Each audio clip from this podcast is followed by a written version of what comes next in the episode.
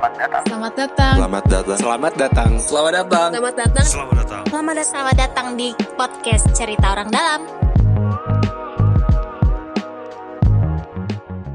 Hari ini kita ngetiknya dari studio podcast Tamrin 10 ya. Ya? Oke, harus disebutin ya. Harus sebutin. Harus disebutin. Pesan-pesan sponsor. Ya. Ya, nah hari ini kita akan ngobrolin tentang hmm, mimpi ya, bayangan ya. Mm, kita kan kadang kepikirannya itu eh, transportasi publik tuh adalah yang kayak jauh gitu ya. Betul, betul. Kalau ngelihat di luar negeri atau segala macam, ya, kayaknya eh, pengen gitu. Ada yang bilang pengen nyobain MRT di Hmm. mana, ada yang pengen ngomong MR LRT di di mana? di Kuala Lumpur misalkan atau Iya, iya, maksa iya, nggak iya. deh. Saya nggak pernah tahu itu sebenarnya. Iya, iya. Asal iya. aja saya nyebutnya. Saya juga gak pernah tahu.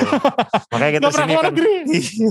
Makanya di sini kita akan ngobrol sama beberapa teman. Ah, Jadi bentuk ini akan mungkin mirip akan kayak FGD ya. Ya, Karena di tapi- sini kita mengundang banyak sekali teman-teman yang akan bercerita. kita iya sih pak, kita iya Yo. sih. Bapak Karni saya Ilyas. Ah, kita rehat lagi sejenak ya. Gitu Udah, ya. udah gak lucu apaan sih? Nggak lucu ya, nggak oke, oke, lucu. Oke, yang pertama kita coba kenalin dari Transjakarta ya. Ya. Transjakarta ada Mbak Beatrice dan Pak Gidi ya. Pak Gidi ini Direktur Transformasi Digital di PT Transjakarta, betul Pak Ah. Gidi? Halo. Pak Iya, Gidi. Siap. Selamat. Ya. Eh, lihatnya ke situ Oh coy. iya salah ya. Gak bisa ke sini. Kita nggak kebiasaan nih. Lihatnya ke Oh, situ. sana ya. Halo, halo. Mohon maaf ya, sih Mohon agak kagok nih. kita nggak biasa ada studio ada kamera begini ya. Iya, iya, iya. Ini nggak biasa. Selanjutnya ada dari eh, podcast Batu Bata. Ya podcast batu bata. Ada podcast Batu Bata. Waduh namanya nggak kebaca ini di sini. Halo. Sebentar. Ada Agnatasha. Oke. Ah, Akna, Mbak Akna Bang Tasya, dan ya. Mas Berto ya. Ya, halo, Iya. selamat siang semua. Ya. Oke, selamat siang. Halo. Halo. Selanjutnya Halo. ada dari podcast Transport nih. Halo, Mas. Halo. Halo. Halo. Salam kenal. Salam Kenal. kenal. Karena juga Mas Nobi. Salam kenal. Selanjutnya juga ada dari film Jakarta. Ada, Mas Firman, ya. Halo Mas Firman. Halo Mas Firman. Halo Mas, selamat siang. Selamat siang. Halo. Terus juga ada dari Nara Muda Jakarta ya. Ada Rizky Amanda. Halo Mas, saya izin pakai Halo. device Halo, ya. selamat siang. Oke. Halo ada Rizky Sama juga. ada Mas Rifki ya. Mas Ya. Rifki Setiawan ya. Iya. Oh, Iya, halo selamat siang semua. Oke, selanjutnya dari mana Nop? ada dari HMPS Transportasi IT, eh, in- Institut Transportasi Logistik Trisakti. Oh, saya harus ngapalin. Iya, halo. Iya kepanjangan ITEL aja mungkin dari ITEL Trisakti. HM, HM, HM Transportasi ITL Trans Trisakti ya. Aduh. Iya. Oke, oke, oke, oke, oke. Nah, Siap. nah para para Pemantik. pembicara ya, pemantik. Enggak, pemantik diskusi lah. Jadi Iya. masing-masing ini punya karak punya ini ya, punya latar belakang yang berbeda-beda pak. Dan pasti mereka juga punya pengalaman dong. Ah gitu. Jadi Dengan- tapi gue mungkin sedikit jelasin nih, Hmm. biar biar enak siapa dan apa nih? Kan Hmm. dari Transjakarta ini sebagai eh, operator lah, sebagai Hmm. orang yang eh, sebagai orang yang berada di di balik layar, orang-orang yang bekerja Iya, keras iya. untuk menyediakan transportasi publik. Betul, betul, betul. Nah, kalau teman-teman podcast Batu Bata dan pod- podcast transport ini orang yang sering sharing tentang eh, Iya. transportasi publik, Pak. Iya, iya, iya. Mereka iya. ini apa ya? eh, aktivis lah, aktivis pengamat Pengamat bisa gitu Hmm. kan, gitu kan. Mereka orang yang rajin Pak. Dibanding kita podcast kita kayaknya rajinan mereka Pak dibanding kita, Pak. Hmm, iya, iya. Ini, Iya. ini catatan dibuka penting loh, Iya, salah iya. ya. Sama ada dari Naramuda. Nah, Naramuda. Naramuda, ini adalah eh, penerima eh, beasiswa dari Pemprov Hmm, yang di apa ya, yang ada di di kota-kota lain. hmm. Nah, kita pengen dengar juga pendapat mereka gimana sih sebagai orang yang dulu di Jakarta dan akhirnya berpindah dari Jakarta. Hmm. Eh, mungkin kita bisa tahu nih, cari tahu eh, pendapat mereka Oh, seperti apa. betul, betul. Oke, oke, oke. Sama dari eh, HMPS. Nah, ini mahasiswa yang kuliah belajar transportasi. Betul, Wah, betul, betul. ngeri lu? Jadi semuanya ini akan punya perspektif yang berbeda Ya. dan akan ya tentunya mereka punya pengalaman ya, Hmm. pengalaman Pengalaman gimana sih transportasi publik yang nyaman, yang enak iya. dan dan bayangannya kayak apa gitu ya, Hmm. mimpinya kayak apa sih gitu ya. Hmm, nah Mungkin kita itu. pertama tanya dulu ke podcast transport nih. Ada Mas David dan Mas Haikal nih ya. Mas, Hmm. kalau boleh cerita nih Mas David atau Mas Haikal ya. Pengalaman kalian sih tentang transportasi publik ya. Ini kita Hmm. bicara transportasi publik di mana pun deh yang Iya. pernah kalian alami deh gitu Hmm. loh. Mungkin bisa cerita sedikit Mas Haikal atau Mas David. Silahkan. Oke, makasih Mas Nobi atas waktunya ya. Oke, dari pandangan kami sih kita ini juga itu ya eh, anggotanya ada yang tersebar juga ya. Kalau saya sendiri Haikal ini eh, basicnya di Jakarta Selatan untuk mobilitasnya. Kalau Mas David ini dia lebih di daerah Bekasi. Sementara juga ada nih eh, kawan kami Mas Ahmad Rafi Ya. telah hadir di sini dia di Oh, Yogyakarta gitu. iya, iya, iya, iya, iya, iya. Mantap nih. Mungkin Beda-beda mungkin mungkin bisa apa kita sharing-sharing dulu kali ya. Eh, Kita sini memang juga pengen dengar cerita. Eh, Ya. Kalau saya sendiri kalau di daerah Jakarta Selatan sih Hmm. eh kalau bisa dibilang dalam hal transportasi publik tuh gemuk ya. Banyak beragam. saya, saya, saya agak, agak, agak ini ya ketika ngomong gemuk juga. Oke, oke. ya, bukan body shaming sih, Mas. ya, lalu eh tapi sih banyak sedikit catatan juga ya. Hmm. yaitu kalau saya masih mengeluhkan soal integrasi secara fisiknya gitu dan itu memang agak sulit eh sulit dijangkau secara fasilitas ya fasilitasnya masih banyak mem- kurang memadai Oke. seperti cuman sekedar stoplight atau pelang pelang bis aja tidak ada halte yang tertutup gitu Hmm, oke. Oke. Eh, Oh, mungkin tadi di mute ya sorry tadi Bisa dulu dulu ya. dulu ya. Operator, tolong standby operator. Ini biasa nih webinar-webinar Zoom nih suka ada yang lupa mute. iya ini. Apa-apa lah ya. Oke lanjut. Ya lalu hmm, paling sih kalau ngomongin soal eh, transportasi Jakarta Selatan mungkin lebih eh, senternya ke daerah Blok M begitu sih.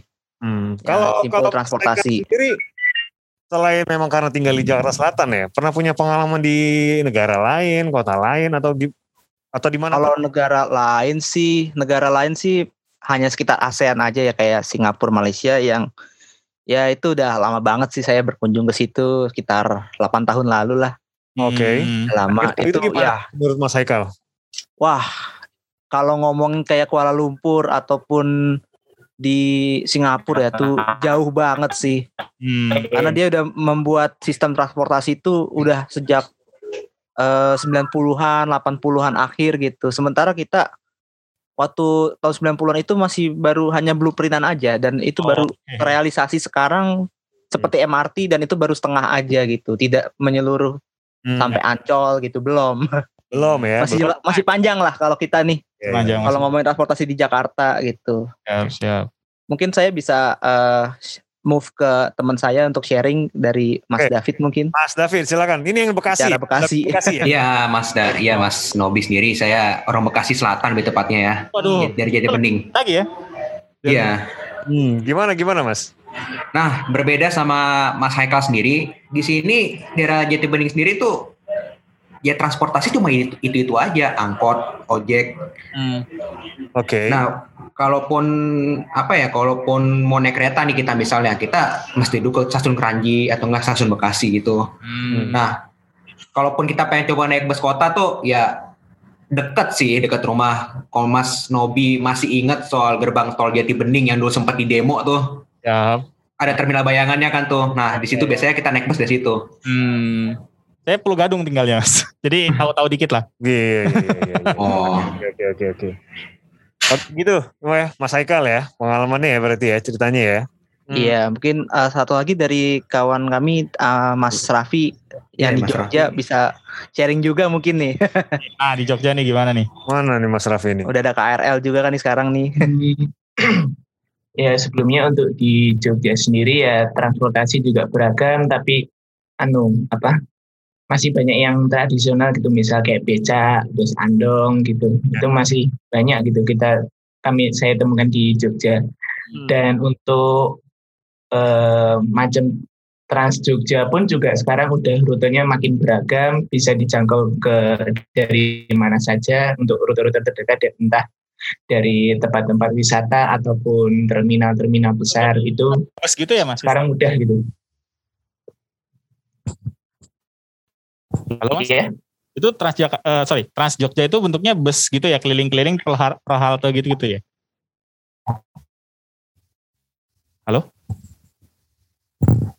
Suaranya Mas Nobi. Iya, bet- bus seperti Transjakarta tapi eh, jangkauannya itu hampir sama.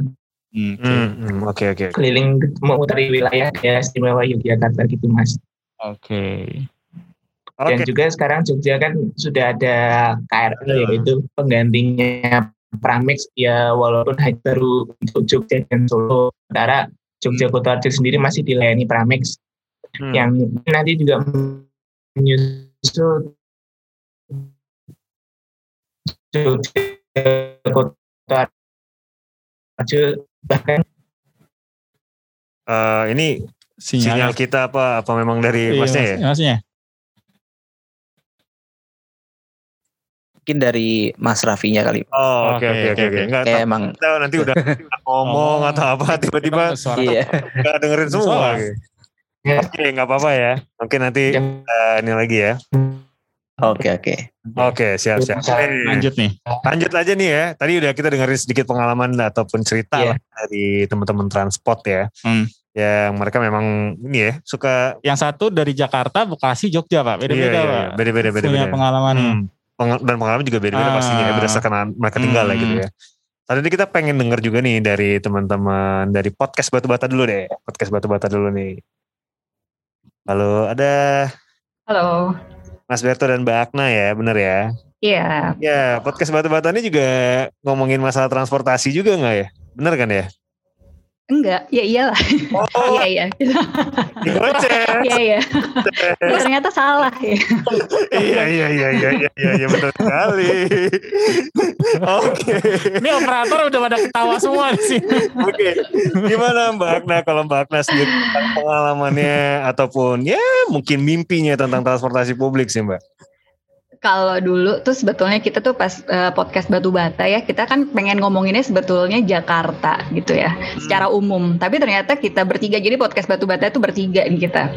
Ternyata kita tuh orangnya suka jalan-jalan dan suka kayak gimana ya, kayak gini loh, suka mengeluh gitu istilahnya. Ini kok kurang ini ya, ini kurang ini ya, kayak gitu-gitu. Nah jadi sebetulnya kita tuh juga mencatat mencatat tapi da- apa dengan cara kita masing-masing sih. Makanya sebetulnya kalau kita eh, di setiap edisinya tuh kita selalu kayak eh, sharing pengalaman kita udah ngapain aja dan berusaha untuk nyari orang yang memang eh, dia juga ke mana-mana gitu mobile istilahnya. Hmm. Oh, gitu. Tapi kalau saya pribadi sendiri saya memang pengguna transportasi publik gitu dari dari kecil malah jadi dulu dulu pas SD gitu emang naik mikrolet naik metro mini gitu-gitu dan sempat ngerasain itu Mbak ya? Zaman-zaman Sempet. masih ya? Saya sempat masih masih Metro Mini. Oh salah ya. itu pengalaman terbaik ya. Iya ya kali, no, no. Iya gitu terus jadi tapi pengen pengen kenyamanan istilahnya. Iya. Kalau kalau saya pribadi sebagai ibu-ibu pengennya nyaman untuk keluarga segala usia gitu. Iya, iya, iya. Dan jadi kalau selama ini yang saya eh, rasakan ya dari mulai saya SD Hmm. sampai sekarang SMP enggak lah sekarang iya. udah ibu-ibu ya. SMP, udah ibu-ibu tadi. Bisa, bisa, bisa. bisa. jadi Ya, masih bisa. apa? ya jadi pokoknya sebetulnya sih fasilitas dan semua transportasi ya kita berben- bebenah gitu. Kelihatan banget. Ada ada perbaikan dan ada dari unsur kenyamanan aja ya.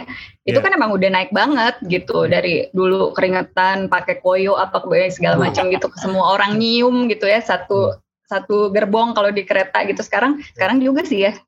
Ya sekarang juga sih cuma terus ya pokoknya eh, iya lebih bersih lebih apa pokoknya banyak kenyamanan kenyamanan yang memang naik gitu. Dan Hmm. kalau saya pribadi sih itu aja sih mas. Jadi kan karena saya saya pengguna. Nah terus terang saya itu sekarang jadinya nggak terlalu menggunakan. Jadi kayak gini loh saya kan dulu waktu pas kecil saya pengguna transportasi nih ya. Terus Hmm. entah kenapa sekarang saya itu saya udah ada anak nih tiga orang gitu anak kecil-kecil saya kok kurang kurang ini ya kurang kayak kurang merasa nyaman kalau anak saya menggunakan transportasi publik masih kayak gitu gitu jadi sebetulnya mimpinya adalah eh saya mewakili ibu-ibu Indonesia deh enggak jadi pokoknya jadi untuk keluarga tuh nyaman gitu dari segala Oh, usia dari Oke, oke, oke. pengalaman ruang pengalaman pengalaman ruangnya kan yang maksudnya dari dari titik ke titik ya. Kalau bicara Hmm, transportasi iya. kan kita menghubungkan dari titik ke titik gitu.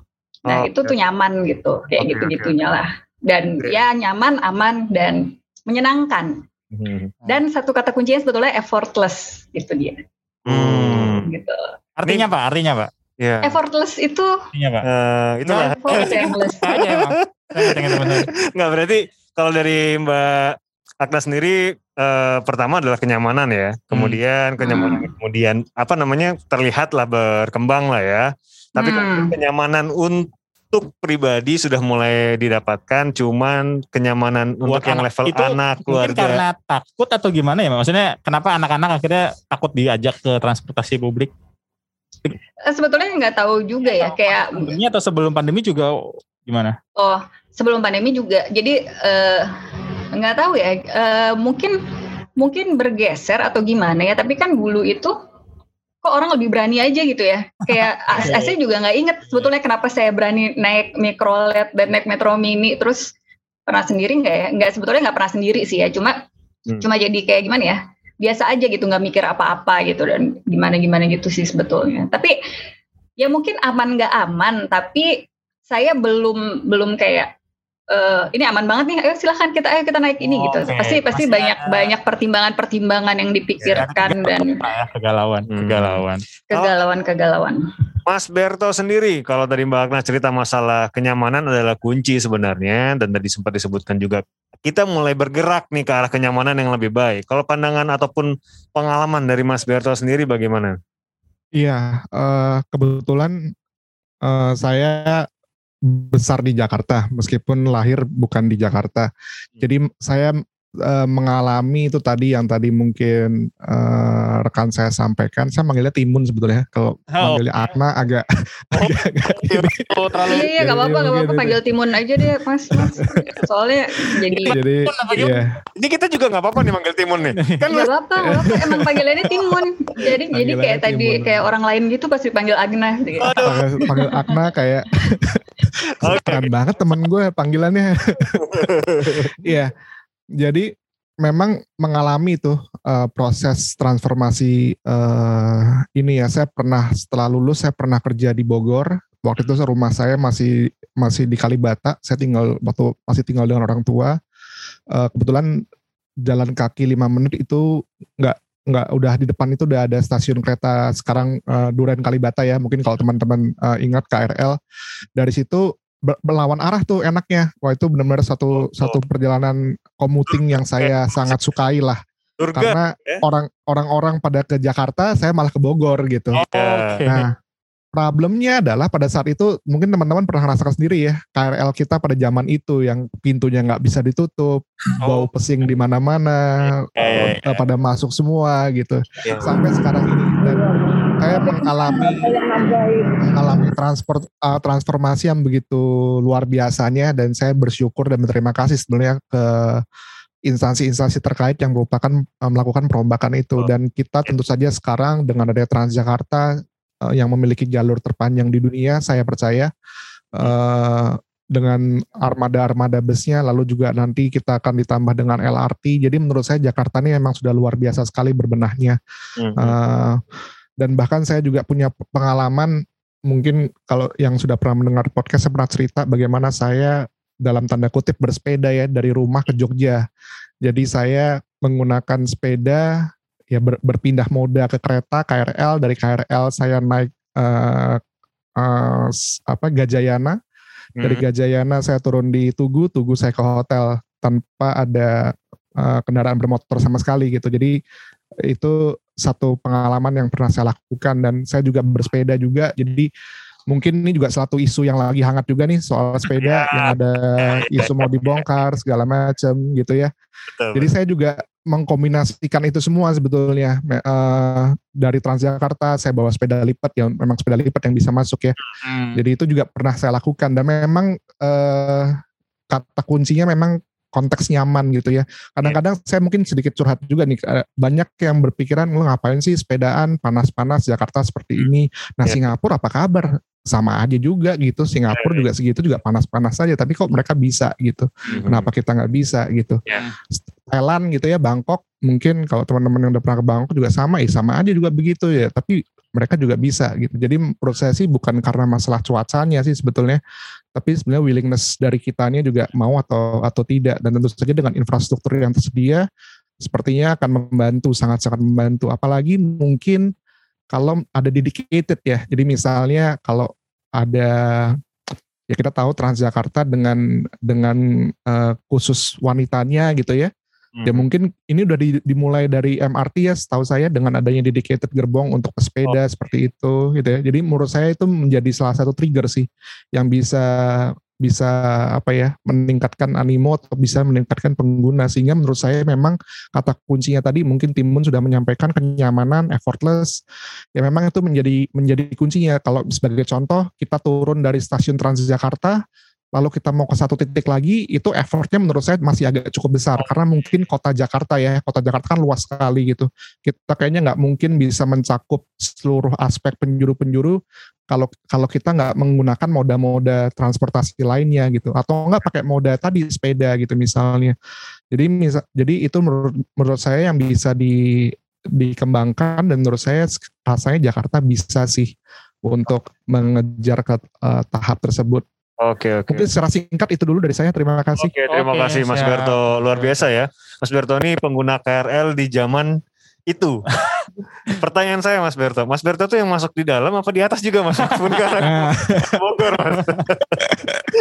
Oh. Untungnya karena karena dia ngelawan arah, saya masih di dalam. Oh, masih di dalam ya. Gila gila. Ya. Luar biasa. Kalau masih kan waktu itu kan ya kalau yang ke Bogor kan sepi. Saya ngelihat yang ke arah Jakarta saya geleng-geleng sih memang pada saat itu ya. Hmm. Untung saya nggak ngalamin masa itu.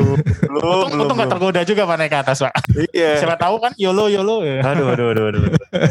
Oh, Berarti kita bisa tahu nih, Mas Bertoni angkatan berapa nih? Jahat. ya, sorry, sorry, Mas. sorry, ya Mas. senior lah, senior lah. Oke. Oke, selanjutnya kita akan coba ngobrol sama Transjakarta nih. Tadi sempat disebut ya bahwa salah satu ya Hmm. yang menjadi kunci eh, tadi dari Mas Haikal, Mas David, dan dari transport Hmm. transport podcast, Podcast. ya. Dan juga tadi dari podcast Batu Bata cerita bahwa ya dari sisi pengalaman mereka mereka kurang lebih mendapatkan kunci yang sama ya, Hmm. kenyamanan, Hmm. effortless, terus juga ada beberapa yang kemudian menjadi dedicated untuk beberapa Betul. orang Hmm. eh, penyediaan-penyediaan emang khusus untuk beberapa eh, yang membutuhkan seperti Hmm. itu ya.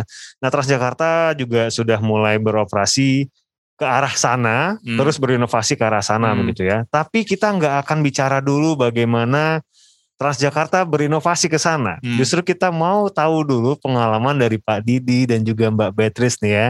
Sebagai pribadi ya. Sebagai pribadi betul, Oke. sebagai pribadi. Jangan kita nggak bicara dulu masalah investasi karena pasti secara pribadi beliau-beliau ini juga Sudah pernah pengguna- merasakan KRL. Betul. Dia naik di atas siapa tahu kan? Mana tahu, Oh, gitu. mana tahu ya kan. Mending kita langsung aja ke Pak Didi dan Mbak Beatrice. Silakan Pak Didi atau Pak Gidi. Eh, Pak Pak Pak Gidi, sorry, Pak Gidi.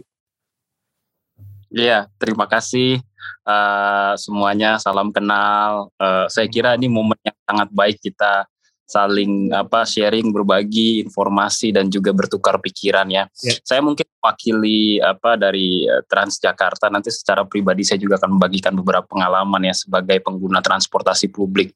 Saya Ya. sendiri tahun kelahiran tahun 84. Jadi Langsung Eh, dikasih tahu merasakan betul naik kereta itu di mana dulu yang namanya eh, ayam sama sayur-sayuran numpuk sama kita gitu. Betul sekali.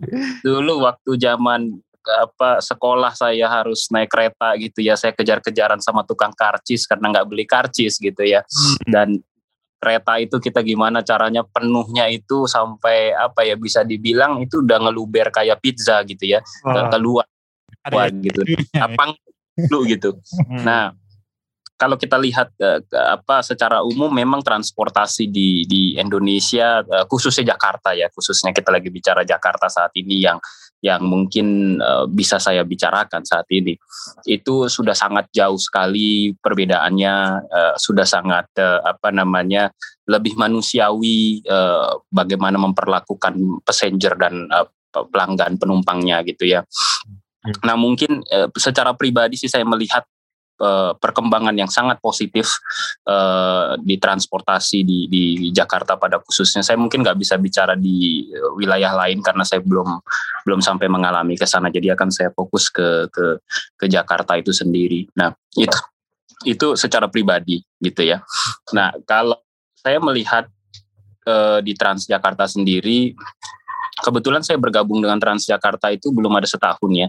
Jadi saya membidangi untuk transformasi digital di uh, Transjakarta dan apa namanya mewakili Pak Direktur Utama untuk menyampaikan beberapa pesan-pesan nih uh, visi misinya kita dan dan juga rencana kita ke depan di Transjakarta sebagai uh, the biggest BRT ya, uh, Business Rapid Transit uh, Transit uh, di dunia gitu, yang paling besar di dunia dengan jangkauan luas uh, sekarang itu yang sudah uh, paling panjang uh, di dunia. Nah, ada beberapa hal yang mau saya sampaikan. Nah, yang pertama ini adalah Transjakarta ini kita punya satu strong vision untuk me mengintegrasikan uh, bukan hanya Transjakarta itu sendiri, tetapi pesan dari Pak Gubernur adalah transportasi di Jakarta itu harus terintegrasi gitu. Tidak boleh terpecah-pecah seolah-olah berdiri masing-masing. Nah makanya kalau dilihat daerah Blok M tuh lagi macet itu di dekat kejaksaan, itu lagi dibangun halte besar integrasi antara Transjakarta dan MRT itu jadi satu halte. Jadi kalau di bawahnya itu adalah MRT, naik ke atas itu Transjakarta. Nah, itu kalau dilihat eh, apa namanya eh, eh, pembuatan seperti itu tuh akan berlanjut ke apa namanya titik-titik yang menjadi titik-titik integrasi berikutnya. Jadi ingin memastikan antara MRT kemudian eh, Transjakarta kereta itu bisa menjadi satu kesatuan sehingga orang kalau berpindah transportasi itu tidak perlu panas-panasan gitu. Mereka bisa satu ya, apa integration channel atau building yang memang khusus untuk pengguna transportasi di Jakarta. Nah, salah satunya yang mau saya sampaikan sekarang yang sudah hampir selesai pembangunannya yaitu CSW yang ada di Blok M. Itu konsepnya adalah uh, apa namanya beberapa lantai ke atas yang di dalamnya juga nanti selain untuk uh, apa MRT. Trans MRT dan Transjakarta itu juga tempat untuk uh, mereka ada uh, ekonomi apa namanya ekonomi activities di sana gitu ya seperti ada retail sehingga orang tidak perlu lagi capek-capek keluar kalau lagi haus konsep toiletnya juga sudah diperbaiki, uh, tempat yang nyaman, yang teduh gitu. Nah, itu kalau yang ada di CSW daerah Blok M. Sedangkan hal halte Transjakarta sendiri saat ini kita Pak Gubernur mencanangkan ada renovasi 100 halte dalam waktu dekat ini. Di mana 100 halte ini akan direnov sedemikian rupa sehingga membuat uh, apa para pelanggan kita jauh lebih nyaman dan diperlakukan lebih manusiawi. Hmm. Nah, uh, kalau kita lihat di Bundaran HI dan juga di Tosari itu jauh sekali apa namanya kualitas haltenya gitu. Dan bahkan di di di beberapa kota-kota modern di dunia yang namanya stasiun bus itu tidak ada yang semewah itu. Belum ada namanya stasiun bus ya. Biasanya itu cuman shelter kecil gitu ya dan orang nunggu di situ aja gitu. Nah, Transjakarta ini agak berbeda sendiri gitu kita lihat lagi kalau ke dalam di uh, haltenya sendiri itu gate-nya itu sendiri sudah sudah gate yang serba otomatis kalau di pernah ke Bundaran HI dan Tosari. Nah, di apa namanya di di Transjakarta pun sekarang sudah memanjakan uh, pelanggannya itu untuk tidak hanya membayar tiket memakai kartu tetapi sudah memakai e-wallet. Jadi mereka bisa memesan tiketnya itu dari rumah, tidak perlu buru-buru misalnya ngisi di mana gitu harus berkerumun gitu ya. Itu kita sudah punya mobile apps untuk pembayaran yang saat ini sudah uh, bekerja sama dengan uh, beberapa e-wallet. Yang kalau nanti di CSW yang mungkin dalam beberapa minggu ke depan akan di apa diresmikan itu kita sudah menggunakan face recognition ticket system oh, iya? jadi serius? Sudah di mobile apps gitu ya. Nanti uh, daftarkan saja mukanya gitu nanti gate-nya akan terbuka secara otomatis tanpa kita mengeluarkan handphone ataupun kartu. Nah, saya mungkin minta waktu satu menit saja okay. untuk Ibu dari Transjakarta silahkan me, me, men-show videonya uh, seperti apa konsep uh, face recognition ticketing system kita yang mungkin ini tidak banyak di dunia atau mungkin di Asia Pasifik and Japan baru kita lah BRT terbesar yang akan uh, melaksanakan hal ini. Saya saya kira kita minta waktu sekitar satu menit untuk kita show videonya. Boleh, boleh, oh, boleh. Siap, siap. Uh, operator mungkin saya, Mbak Beatrice jadi co-host ya? Udah, udah. Oh, udah ya, siap. Bisa subscribe kan? Keren.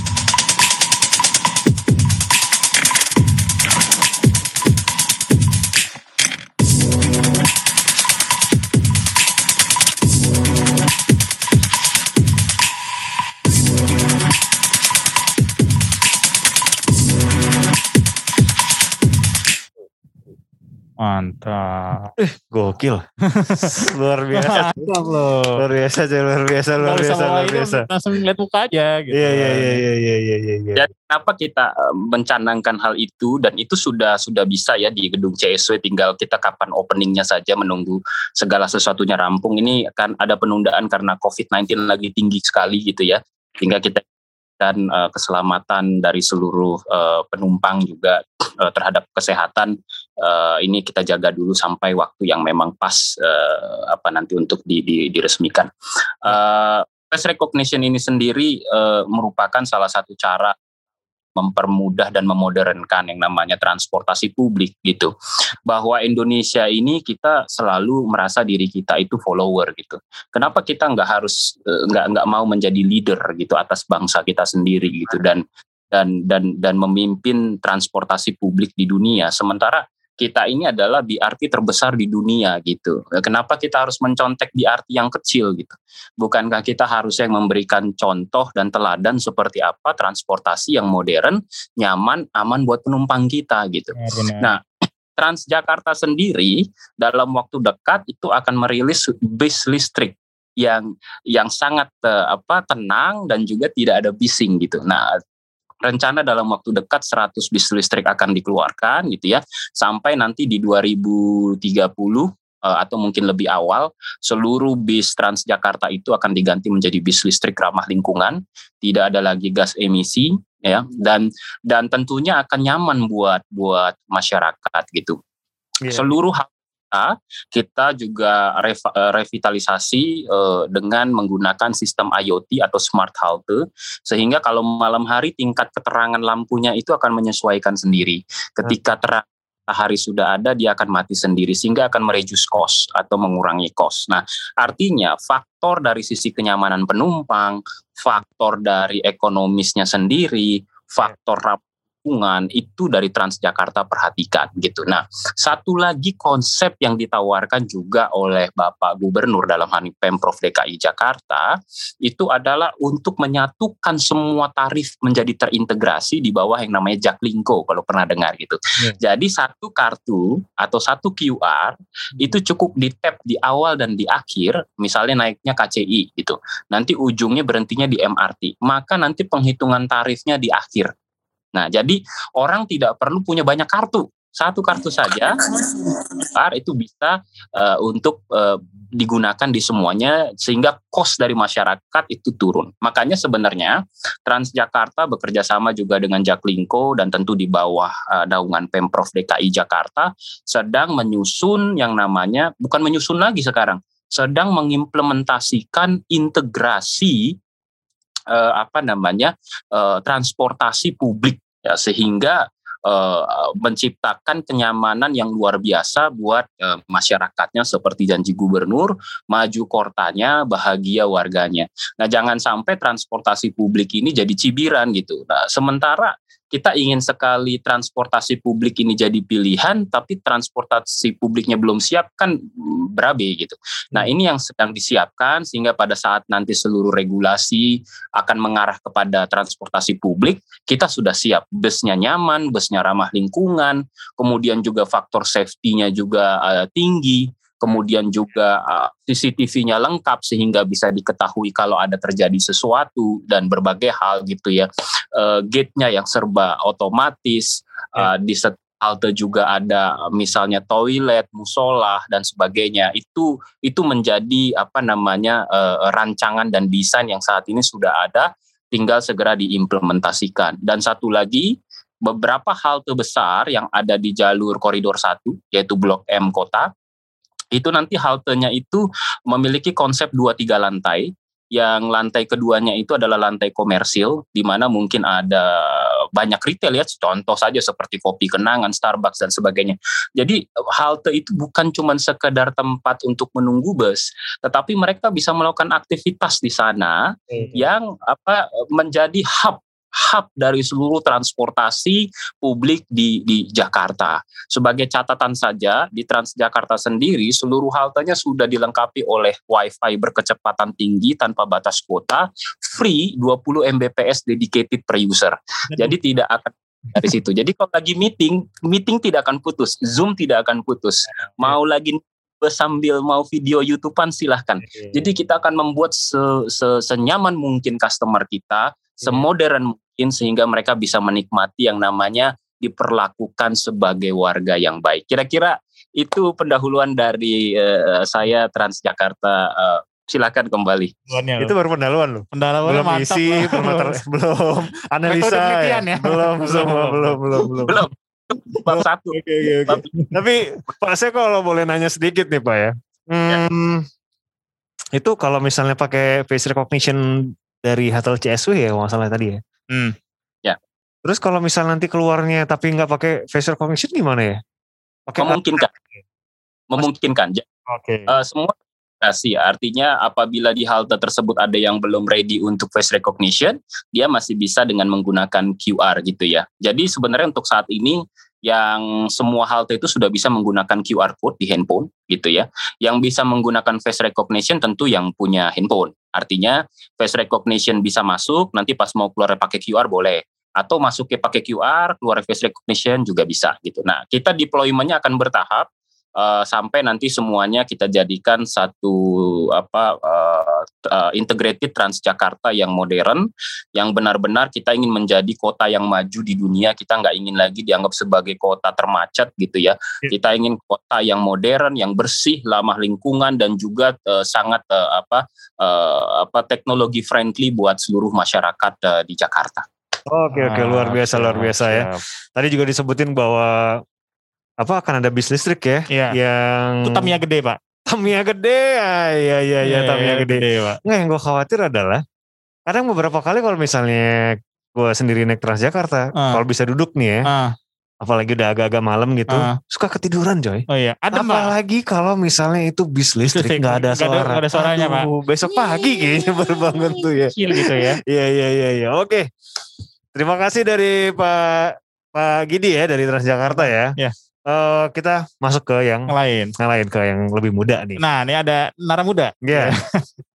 Nara Siapa? Muda ini kan ada Ri, ada Rizky dan Rizky dan Rifki ya. Sebagai Iya. orang yang dulu pernah di Jakarta Hmm. dan sempat merasakan eh, kuliah di kota lain. Iya. Nah, gimana mungkin sedikit Pengalaman. pengalaman ya gitu. Iya. Eh, ya nggak dibandingin juga sih. Misalkan kalian teman-teman adalah orang yang pernah ngerasain di dua tempat gitu yang berbeda. Atau mungkin mereka juga pernah pergi ke tempat lain gitu. Oke, kan. tempat lain gitu Hmm, kan. Nah, itu hmm. seperti apa? Gimana? Silakan dari Rizky dulu atau Mas Rizky dulu. Ladies first lah. Rizky Ladies dulu. first. Masih di mute ya? Masih di mute? Ayo. Ah, iya, halo Mas. Sorry aku pakai dua device. Soalnya laptopnya agak agak kentang kalau ke bahasa kita. Waduh. siap, siap. iya. Kentang goreng. Jadi eh, ini sharing-sharing pengalaman tentang eh, transportasi di Jakarta ya, Mas? Hmm. Eh, di mana pun, di mana pun, di mana pun. Oh, di mana pun. Oke, oke. Pernah pergi Kalau ke mana? dulu, kalau dulu pengalaman aku di Jakarta itu kebetulan aku jaksel juga, jaksel abis.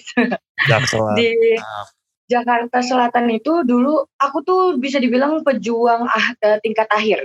Di mana setiap tingkat akhir itu aku pasti les, eh, misalnya kelas 6 SD, kelas 3 SMP, kelas 3 SMA, itu aku pasti les. Nah, itu tuh setiap les aku pasti pakai transportasi umum. Yang pertama kali, yang paling pertama, paling sering aku pakai adalah Transjakarta. Dan juga aku eh, eh, sedikit perkenalan, eh, aku juga merupakan pelatih karate di BSD di Tangerang. Jadi aku setiap setiap Sabtu Minggu pagi itu selalu menggunakan eh, kereta api untuk ke Tangerang setiap pagi. Pakai kereta yang pertama. Hmm. Nah, untuk eh, fasilitasnya kalau dulu itu kalau saya telat dikit aja misalnya telatnya eh, jam 8-an gitu. Itu tuh udah pasti desek-desekan banget kalau di kereta. Kalau misalnya di Transjakarta itu kebetulan eh, les saya itu jam 6 sore di mana saya berangkat jam 5 sore dan itu pas banget sama orang pulang kantor. Dulu kan belum corona ya. Ya, Jadi dulu tuh masih masih eh, penuh banget. Saya tuh pernah sampai ngalamin keadaan di mana saya berdiri. Saya, saya nyender sama orang-orang, tapi orang-orang tuh gak nyadar saya senderin. karena saya capek, karena saya capek berdiri. iya, jadi saya saya nyender, terus eh, orang-orang tuh gak nyadar disenderin karena terlalu padet banget gitu, jadinya gak nyadar gitu. Terus tapi eh, semakin kan saya gunain dari SD tuh, dari kelas 6 SD ke SMP ke SMA. Hmm. Eh, bener kata Mbak Tasya tadi dari Batu Bata, eh, kalau transportasi itu memang selalu transportasi umum itu memang selalu di-upgrade Hmm. dan mungkin mungkin banyak ya konspirasi orang-orang yang bilang eh eh, mana nggak ke upgrade mana fasilitasnya gini-gini sebenarnya ada cuman memang tidak pernah cukup aja kalau menurut saya Betul sekali. jadinya Iya. menurut saya yang yang di mana dari setiap ting- tingkat akhir itu saya menggunakan transportasi umum selalu gitu Hmm. itu tuh menurut saya memang selalu ada peningkatan. Kayak dulu tuh masih ada bus Transjakartanya tuh masih satu gitu. Hmm. terus sekarang udah ada yang gandeng itu tuh yang ada itu eh, yang dua gitu deh pokoknya dia gandeng. Nah itu tuh itu termasuk upgrade loh gitu. Terus juga dari segi eh, halte. Dari haltenya dulu tuh kan masih pakai uang ya. Dulu tuh pakai uang kalau nggak salah 3.500 ya Ya. kalau nggak salah. Iya 3.500 itu masih pakai uang terus ada karcisnya gitu kan. Oh iya, Terus, kalau iya kalau zaman sekarang itu kan pakai kartu ya. Jadi udah nggak bisa pakai ka- karcis lagi gitu. Hmm. sebenarnya ada aja eh, upgrade-nya. Eh, saya juga seneng banget mendengar eh, bapak bapak Gidi tadi dari Transjakarta bahwasanya bakalan ada upgrade-upgrade ke depannya. Bak- bakal ada kamar mandi bakalan ada bus listrik. Wah Ya. saya sangat senang sekali. Mungkin ke depannya saya akan lebih sering lagi memakai itu karena sekarang kan udah zamannya pakai eh, Jarko. ojek-ojek online gitu kan. Jadi Saingannya ini ya, Dan- online ya. Iya, iya, iya. ya sekarang nah kalau untuk di Malang, Malang gimana? oh ya saya belum belum ditanya saya udah udah udah jelasin aja ya. Gak apa-apa. Ngalir aja, Ngalir aja, ngalir aja, santai aja. Oke oke. Jadi kalau untuk di Malang kebetulan saya eh, kuliah di Universitas Brawijaya Hmm. eh, jurusan psikologi. Eh, kalau saya di Malang itu biasanya pakai motor. Di sini mahasiswa-mahasiswa sini lebih banyak yang memakai motor karena di sini transportasi umum cuman ada angkot, damri, Hmm. udah itu aja. Oke. Pakai- Damri itu yang Tukang jarak ojek gitu ya biasanya ya? apa? Damrinya itu jarak jauh kali ya? Oh iya jauh. Damrinya juga damrinya juga eh, jarang, angkotnya pun juga jarang. Oh, Di sini di sini tuh anak-anaknya pakai eh, motor biasanya Bi- Masa beli motor. udah pakai motor ya. Tadi lebih effortless lah kalau kata Mbak eh, Mbak Timun, Mbak Hmm. Timun. Iya kalau kata anak-anak mudanya di sini tuh kalau nggak punya motor tuh lemah lah gitu maunya dijemput terus dianterin Iya, atau nggak pakai iya. gojek jadinya lemah gitu kalau kata anak-anak muda Iya, iya. gitu guys. Hmm, oke oke berarti kalau di Malang masih di apa transportasi publiknya masih damri dan angkot, ya. Angkot. Sebenarnya Tapi tapi mobilitas warganya kebanyakan jadi, jadi motor. ya, tapi sebenarnya juga angkot dan damri dulu Jakarta juga ada kan. Iya. Berangkatnya juga dari situ kan. Ah, Damri Kemudian- tapi biasanya kalau di Jakarta ke bandara nggak sih biasanya tuh? Iya ya, bandara Bus-bus ya. bandara kan Iya, Damri iya. kan. Hmm, Hmm. Tapi maksud gue adalah poinnya sebenarnya berangkatnya juga sama sih. Iya berangkatnya dulu mungkin masih di tahap Jakarta dulu iya, kali ya. iya, iya, iya, iya, iya, pelan-pelan lah ya. Pelan-pelan semoga ya lah malam bisa ini juga ya. Iya, iya, iya. Kecap ya. Boleh Satu lagi. kasih kom- Ya Pak Gidi. boleh sedikit kasih komen nggak nyampe semenit. Oh, Siap, silakan, siap, silakan, Pak Eh, tadi menarik ya apa kalau dulu kan karcis gitu ya. Ini mungkin bukan cuma Transjakarta ya, tapi harapan kita ke seluruh transportasi publik ya gitu. Bahwa masyarakat kita ini sudah pengguna gadget semua gitu. Hmm. Apa saya pikir kita itu nggak bisa lagi berpikir secara tradisional gitu. Hmm. Kita lihat kalau masyarakat kita sudah menggunakan e-wallet, ada baiknya memang transportasi publik itu juga harus menyediakan channel-channel tersebut gitu. Nah ini yang Transjakarta juga sudah mentransformasi dirinya, mobile apps itu udah digunakan untuk pembayaran eh, apa namanya tiket sehingga bisa di scan QR-nya gitu. Nah, e-wallet e-walletnya pun kita terus tambah gitu. Nah, satu lagi di Transjakarta mungkin yang teman-teman yang dulu mungkin agak khawatir naik Transjakarta, saya bilang coba deh naik Transjakarta, gunakan handphone gitu, beli tiket di situ, scan nanti handphonenya gitu ya. Itu nanti pada saat menunggu kedatangan bus bisa kelihatan kok estimated time arrivalnya berapa menit lagi busnya akan sampai. Dan itu akan kelihatan di situ. Jadinya bisa bisa ngontrol diri nih. Oh dua menit lagi ah mungkin saya ke toilet dulu gitu ya. Nah saya kira transportasi publik itu tidak hanya sekedar hanya mentransportkan orang gitu, tetapi bagaimana berpikir ini orang yang tadinya stres di pekerjaan, ini kan semua orang stres nih bekerja nih gitu. Jangan sampai tunggu transportasi publik tambah stres lagi gitu loh. Jadi stres nih gitu. Datangnya jam berapa gitu ya. Itu yang harus dipikirkan mungkin oleh seluruhnya kayaknya. Itu itu saja komentar dari saya makasih. Iya iya iya. Kalau gue tangkap kayaknya kita perlu adaptasi dengan perilaku masyarakat juga Iya. ya. Kalau misalnya dulu ya sekarang udah pakai gadget dibilang Ah, ya benar-benar, udah, benar. gimana caranya pakai gadget itu bisa buat bayar gitu ya. Saingannya adalah eh, kenyamanan dan kegampangan alah Iya, kegampangan kemudahan, kegampangan. kegampangan ke opo Iya iya iya iya. iya, iya. Lanjut Lanjutnya dari siapa lagi ya? Rifki tuh? ada Rifki Oh, ada Rifki juga ya? Rifki. Rifkinya lagi di terowongan Iya. Iya, kalau dari aku ya Pak, berdasarkan pengalaman aku terakhir kali itu eh, menggunakan transportasi umum secara rutin itu terakhir kali SMP dan SMK. oke Itu setiap hari pasti eh, menggunakan transportasi umum Metro Mini. Wah. Mungkin teman-teman tahu Metro Mini dan Kopaja. Itu karena memang eh, apa berangkat sekolah dan pulang sekolah mengharuskan saya untuk menggunakan eh, keduanya itu. Dan pada saat itu masih itu masih eh, sering merasakan eh, apa namanya yang eh, connect masih teriak-teriak terus eh, masih masih masih sering banyak pengamen yang eh, meminta secara paksa dan dan sebagainya.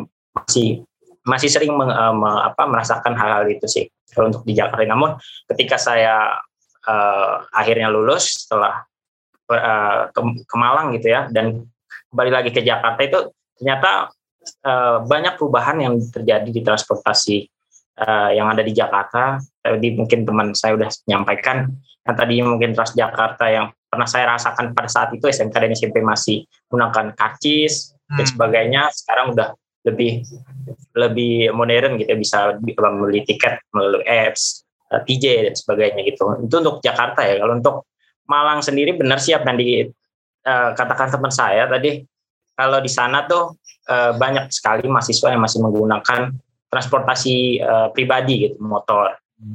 Padahal di sana ada sih beberapa eh, transportasi umum yang bisa digunakan ada angkot, damri, dan sebenarnya juga ada bis lokal gitu, bis lokal ataupun kereta lokal yang yang eh, tujuannya bisa mengantarkan kita ke eh, kota-kota terdekat di Malang itu bisa dimanfaatkan oleh eh, mahasiswa-mahasiswa rantau di sana biasanya untuk untuk apa namanya eh, pergi ke kampung halamannya dan sebagainya. Dan itu saya pernah merasakan sih beberapa kali menggunakan transportasi sana itu kereta lokal. Jadi mungkin kalau di sini ada teman-teman dari Malang itu ada eh, apa namanya terminal Landung Sari itu ada kereta eh kereta eh, bus lokal yang eh, tujuannya itu Malang eh, Malang Jombang kalau nggak salah. Dan untuk sistem pembayaran di sana sih eh, bisa dibilang masih jauh tertinggal ya di- dibanding Jakarta masih sifatnya konvensional gitu. Masih bayar di tempat terus eh, cari jadwal keberangkatan juga masih Masih di masih situ ya? eh, masih masih di situ kadang. Berangkat jam berapa ternyata nggak ada armadanya gitu. Masih sering masih sering dirasain sih Oke oke oke oke oke. Rifki, Rifki tadi bilang naik Metro Mini pas zaman SMP. SMP, sama SMK ya. Nah, iya Kamu ini berarti iya benar mas mengalami masa-masa dipalak gak? Atau kamu yang suka malah? Nah itu Mas, kebetulan ada eh, pengalaman yang nggak mengenakan itu di Ah. Palak itu yang hampir hampir bisa juga mengancam eh, nyawa saya itu pernah terjadi. Itu saya masih eh, mengalami lah masa-masa itu karena tiap hari uh, paling enggak dua kali itu saya berangkat sekolah dan bukan palaknya maksudnya naik transportasi umumnya kan dua kali sehari oh. kayak sekolah dan kali sehari serem juga di palak dua kali sehari. Kayak minum obat. Ya sama lagi. Di kepala preman di kepala uh, pengamen melihat pencopetan gitu sering itu mas. Itu menjadi makanan sehari-hari uh, ini. Tapi setelah itu akhirnya saya sedikit apa ya waktu itu merasa kapok dan mulai beralih ke Transjakarta gitu. Hmm, oke oke oke oke oke oke. Nah, next ya kita dengerin cerita lagi yang lain Siap, ya siap, siap. dari tim Jakarta pak tim Jakarta nih. ini teman gue pak dia pen- pen- pengguna rutin Jaklingko loh pak Oke, Oh, langsung aja kita dengerin. ngobrolin. halo Firman Firman halo Firmannya ke mana ini halo Firman Firman Tuh Firmannya nggak ada halo Firman Ya hadiahnya nggak dapet ya kasihan sekali ya. ya Mas Firman tidak dapat ya hadiahnya karena kita mau sebut, nyuruh nyebutin pasport ya halo Mas Firman Oh, nggak- dia kayaknya nggak bisa di mute ya? Oh, bisa. Halo, halo, halo. Sorry, sorry. Ah, ya ya ya ya. Siap. Oh, Mas Firmannya dari toilet kali ya? Enggak, ini laptop saya agak bermasalah kayaknya. Oke, siap Mas Firman. Hmm. Gimana Mas Firman sebagai ini nih pengguna transportasi publik rutin dia sering, Pengalaman. sering sharing gua sama gua. Eh, dia suka punya ka ini naik Jaklingko Oh, ke tempat ke tempat. Iya, gimana Mas Firman? iya. eh, selamat eh, siang rekan-rekan semua. Jadi saya ya benar apa yang tadi disampaikan oleh Mas Nobi. Saya pengguna rutin Jack, Jaklingko. Kebetulan rumah saya di BSD di Serpong. Jadi dua kali naik naik transportasi ya. Biasanya dari Serpong stasiun Serpong atau Rawabuntu lalu turun di Tanah Abang dari dari Tanah Abang ini kadang naik Jaklingko dan kadang juga naik transportasi angkot yang biasa juga ya. Oke. Mm. Nah, karena eh Jaklingko sebenarnya nyaman ya. Eh kebetulan pertama kali pakai Jaklingko itu baru satu dua hari eh di di diterbitin ya waktu itu di di launching ya. Saya juga karena salah naik angkot dikirain angkot yang biasa. Terus kali nyobain gara-gara Salah. salah ya. salah, salah. Iya, iya. Eh, dan pas nyoba loh kok enak ya. Apa di angkotnya itu ada AC-nya, terusnya nyaman ya tadi. Emang faktor kenyamanan itu jadi jadi apa ya? Jadi salah satu pilihan juga. Iya. Cuman ya mungkin plus minus ya. Hmm. Eh, kadang kalau naik Jaklingko itu rutenya diputar-putar ke beberapa pelosok Jakarta ya. Jadi kita bisa melihat keseharian Jakarta. Cuman kalau yang lagi buru-buru itu agak agak apa ya? Agak agak agak sulit ya estimasi waktunya. Apalagi kebetulan kan saya kerja di Museum Bahari ya di Jakarta Utara. Jadi dari Tangerang Selatan ujung ke Jakarta yang paling utara. Ya. Jadi Hmm. Eh, lintas provinsi juga dan bu- naik dari dari Tanah Abang ke Jakarta kotanya itu Ya ya ya. eh, agak Itu beda ya Mas antara yang eh, Angkot biasa. angkot biasa dan Jaklingko berarti ya. iya beda-beda. Lebih cepat angkot biasa sih sebenarnya. Jadi ka- kadang saya suka suka ganti-gantian ngelihat estimasi kalau misalkan saya lihat estimasi masih bisa pakai apa eh yang Jaklingko saya pakai Jaklingko kalau misalkan nggak bisa ya saya pakai yang biasa karena kan kalau dari Tanah Abang tuh tinggal lurus ya kalau yang biasa. Nah, kalau misalkan Iya ya.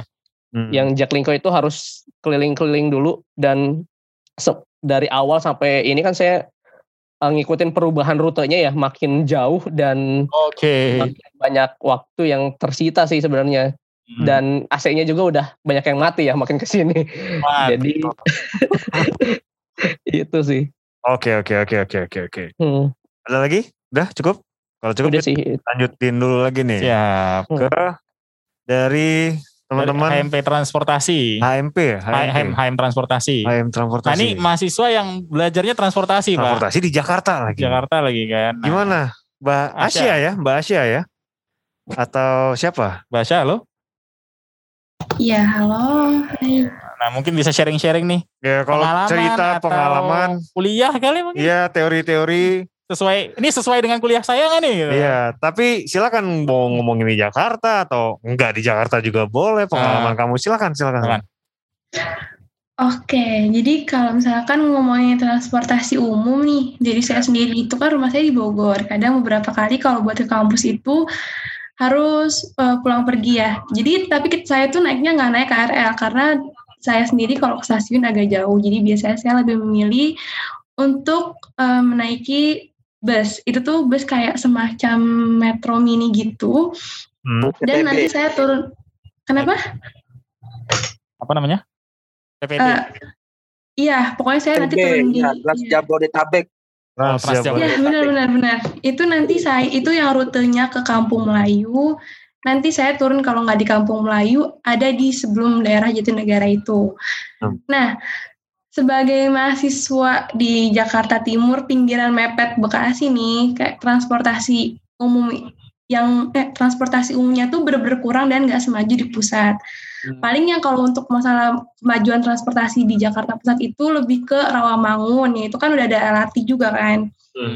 Dan kalau misalkan menurut saya untuk kendaraan transportasi umum di Jakarta kan tadi udah disebutkan tuh dari dari yang Pak Gidi khususnya dari Transjakarta bahwa eh, menunjukkan bahwa transportasi di Jakarta itu memang sudah maju, tapi menurut saya jangan cuma nggak cuma sarana aja yang diperhatikan, tapi lebih ke prasarana juga. Seperti yang saya lihat dan saya alami di daerah-daerah Jakarta Timur itu seperti contohnya halte. Hmm. Itu memang nggak terlalu bagus dan bahkan nggak sebagus di daerah-daerah yang Blok M, Senayan dan lain-lainnya. Oke. Jadi ya mungkin memang fasilitasnya sedang dalam proses perbaikan dan nunggu waiting list gitu ya. Cuman harus lebih diperhatikan aja sih kebersihannya. Oke. Saya lebih Oke. konsen ke prasarananya juga iya. Oke oke oke oke oke. Tapi kalau dari Bogornya sendiri berarti itu udah deket terminal atau nggak jalan kaki atau masih nyambung lagi tuh ke terminal ke busnya gitu? Kalau untuk ke terminalnya lagi, saya dianterin sih biasanya pakai kendaraan pribadi. gitu. Oh, Oke. Iya. Siap. Nah ini berarti juga jadi catatan nih. Hmm. Dia dari termi- ke terminalnya juga masih lebih mudah ini ya naik naik transportasi eh ya pribadi dulu ke terminal baru baru ke Kampung Melayu tadi kan dari Bogor ke Kampung Melayu. Iya. Ya itu tadi masalah effortless ya, yang disem- Hmm. seperti yang disampaikan oleh Mbak Timun juga tadi ya. Mbak Timun gitu. Jadi saya Ya, yang ini di nih. Jakarta Timur nih penting ya karena Iya. tadi ya nyambung terkait Jakarta Timur eh, mungkin juga perlu kan katanya mau ada rencana juga kan Hmm. Iya. mau ada nyambung lagi nih Iya. transportasi transportasi umum kita ngomongin mimpinya nih Iya. Semo- Jangan sebagai- mimpi dulu, jangan mimpi dulu. Oh, jangan mimpi dulu. Menurut gua nih, Ah. menurut gua nih. Ini tadi kan semua sudah menceritakan masalah pengalaman ya. Oke. Yang menarik menurut gua adalah kalau mereka semua ini Hmm. seandainya nih ada dari podcast Batu Bata, Hmm. transport, eh, Nara Muda, termasuk Pak Gidi dari Transjakarta Hmm. ya dan eh, HMPS juga Nah, gitu. dari film juga ya film Iya, Jakarta. film, film Jakarta juga.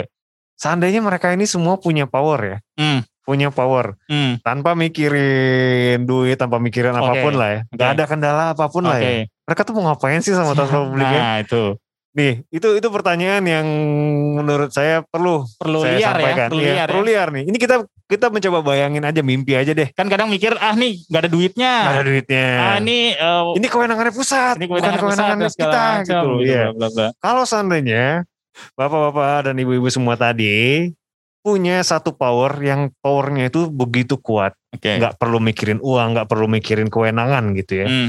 Kira-kira nih apa yang mau dilakukan untuk transportasi publiknya? Hmm. Kita mulai lagi dari transport. Mas Haikal, silakan. Oke. Jadi bicara soal uh, power ya. Ya. Nah, gini sih kalau pandangan dari kami sih ya. Kalau misalnya memang kita pastilah mau apa punya mimpi atau cita-cita pengen uh, transportasi itu saling bersinergi, saling uh, nyambung nyambung menyambung gitu. Nah, cuman ya memang di lapangan juga tuh nggak seperti yang kita pengenin ya gitu. Hmm.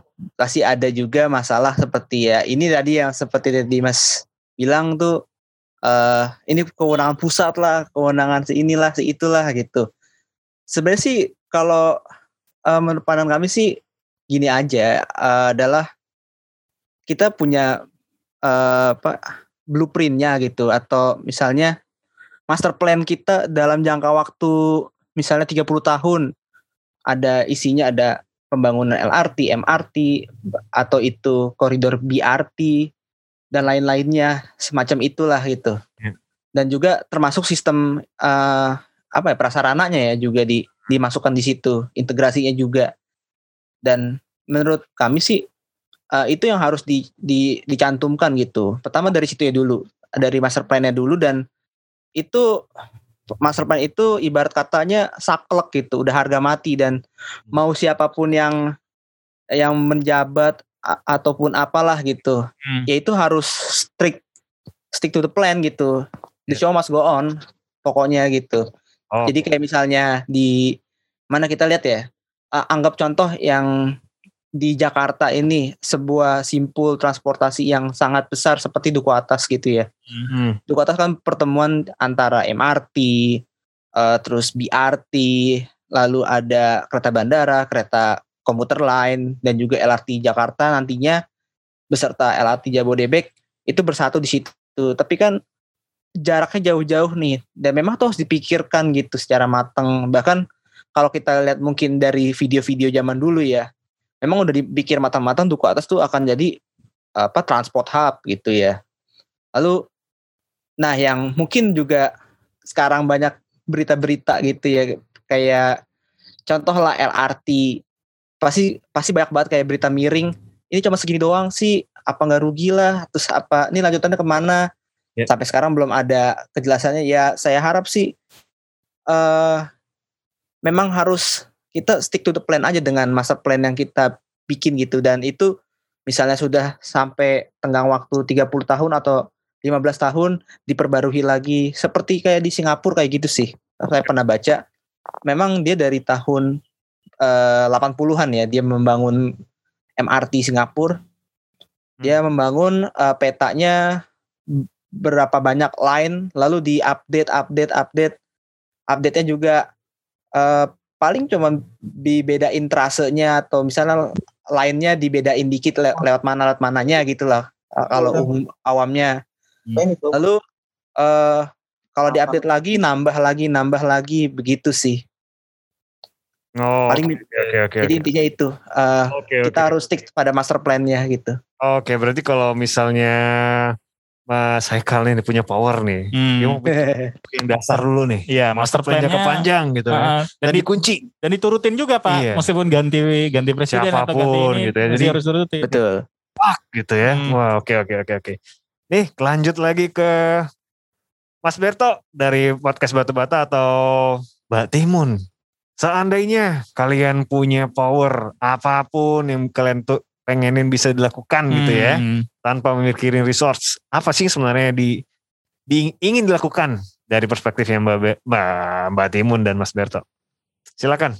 Mas Berto dulu kali ya. Berto aja Berto. Berto yang punya power soalnya. Oh siap ngeri, siap. ngeri, ngeri. iya. Uh, tadi saya juga mungkin kata kuncinya adalah uh, konsistensi ya rasanya. Karena memang tadi dengan uh, kita tahu biasanya pergantian pemimpin, pergantian visi, pergantian misi, rasanya mungkin itu menjadi salah satu hal yang perlu diperhatikan. Jadi makanya tadi saya bilang mungkin kata kuncinya di sinilah konsistensinya gitu. Kalau memang dan tadi juga uh, tadi siapa ya Mas siapa ya tadi ya yang transport uh, yeah. menyampaikan uh, ada master plan-nya. Nah itu menurut saya juga juga menjadi salah satu kunci juga gitu kalau kita sudah punya master plan secara luas lalu kita juga sudah sepakat konsistensi kita untuk membangun transport ini dan rasanya dari semua negara maju di dunia ini itu biasanya transportasi publiknya juga maju gitu ya. Hmm. Jadi artinya ya secara nggak langsung itu equal lah gitu. Ya. Jadi menurut saya jadi bisa menjadi salah satu kunci untuk siapa pun nanti pemimpinnya, siapa pun yang in charge, instansi-instansi yang terkait, kalau dia sudah menjalankan konsistensinya untuk bisa memajukan suatu kota, suatu daerah, ya berarti salah satu aspeknya adalah transportasi. Hmm. Mau itu ada MRT, LRT, bahkan sampai mungkin nanti let's say ada skuter atau apa, ya saya nggak tahu lah ke depan nih kemudian hari seperti apa. Tapi itu yeah, bisa yeah. menjadi salah satu modal untuk uh, menjadikan bahwa konsistensi ini penting untuk memajukan transportasi itu hmm. dengan uh, transportasi publik ya, uh, hmm. sorry, transportasi publik itu dengan segala caranya, dengan segala usahanya. Dan rasanya contoh-contoh, saya rasa kita nggak perlu uh, ini lagi ya, nggak perlu pusing-pusing lagi gitu ya. Kalau contoh paling sederhana, saya sering banyak sekali melihat ya ini mungkin nggak apple to apple ya, tapi melihat Singapura lah paling dekat tetangga kita. Ya kata kunci effortless di situ di Singapura tuh benar-benar tercermin lah gitu ya kita turun segala macam. Bahkan saya pernah mengalami dengan hujan deras gitu ya. Kalau di Singapura tuh kayaknya naik transportasi umum hujan deras pun juga nggak masalah. Karena begitu turun di publik sudah ada kanopinya lalu masuk ke itu juga berkanopi semua seperti itu sampai sampai segitunya gitu. Tapi memang kita, saya jujur aja tidak bisa menyamakan Jakarta dengan Singapura. Iya, iya. karena paling gampang adalah jumlah penduduk besaran lo kotanya itu menurut saya tidak bisa kita samakan gitu. Tapi Jakarta punya potensi untuk bisa lebih baik dan saya rasa sudah sangat baik untuk saat ini dan saya menjadi salah satu penikmatnya jujur saja gitu dan saya merasa sangat terbantu. Meskipun ya itu tadi biasanya pada saat ke menuju transportasi publiknya sebagai contoh mungkin Transjakartanya gitu ya.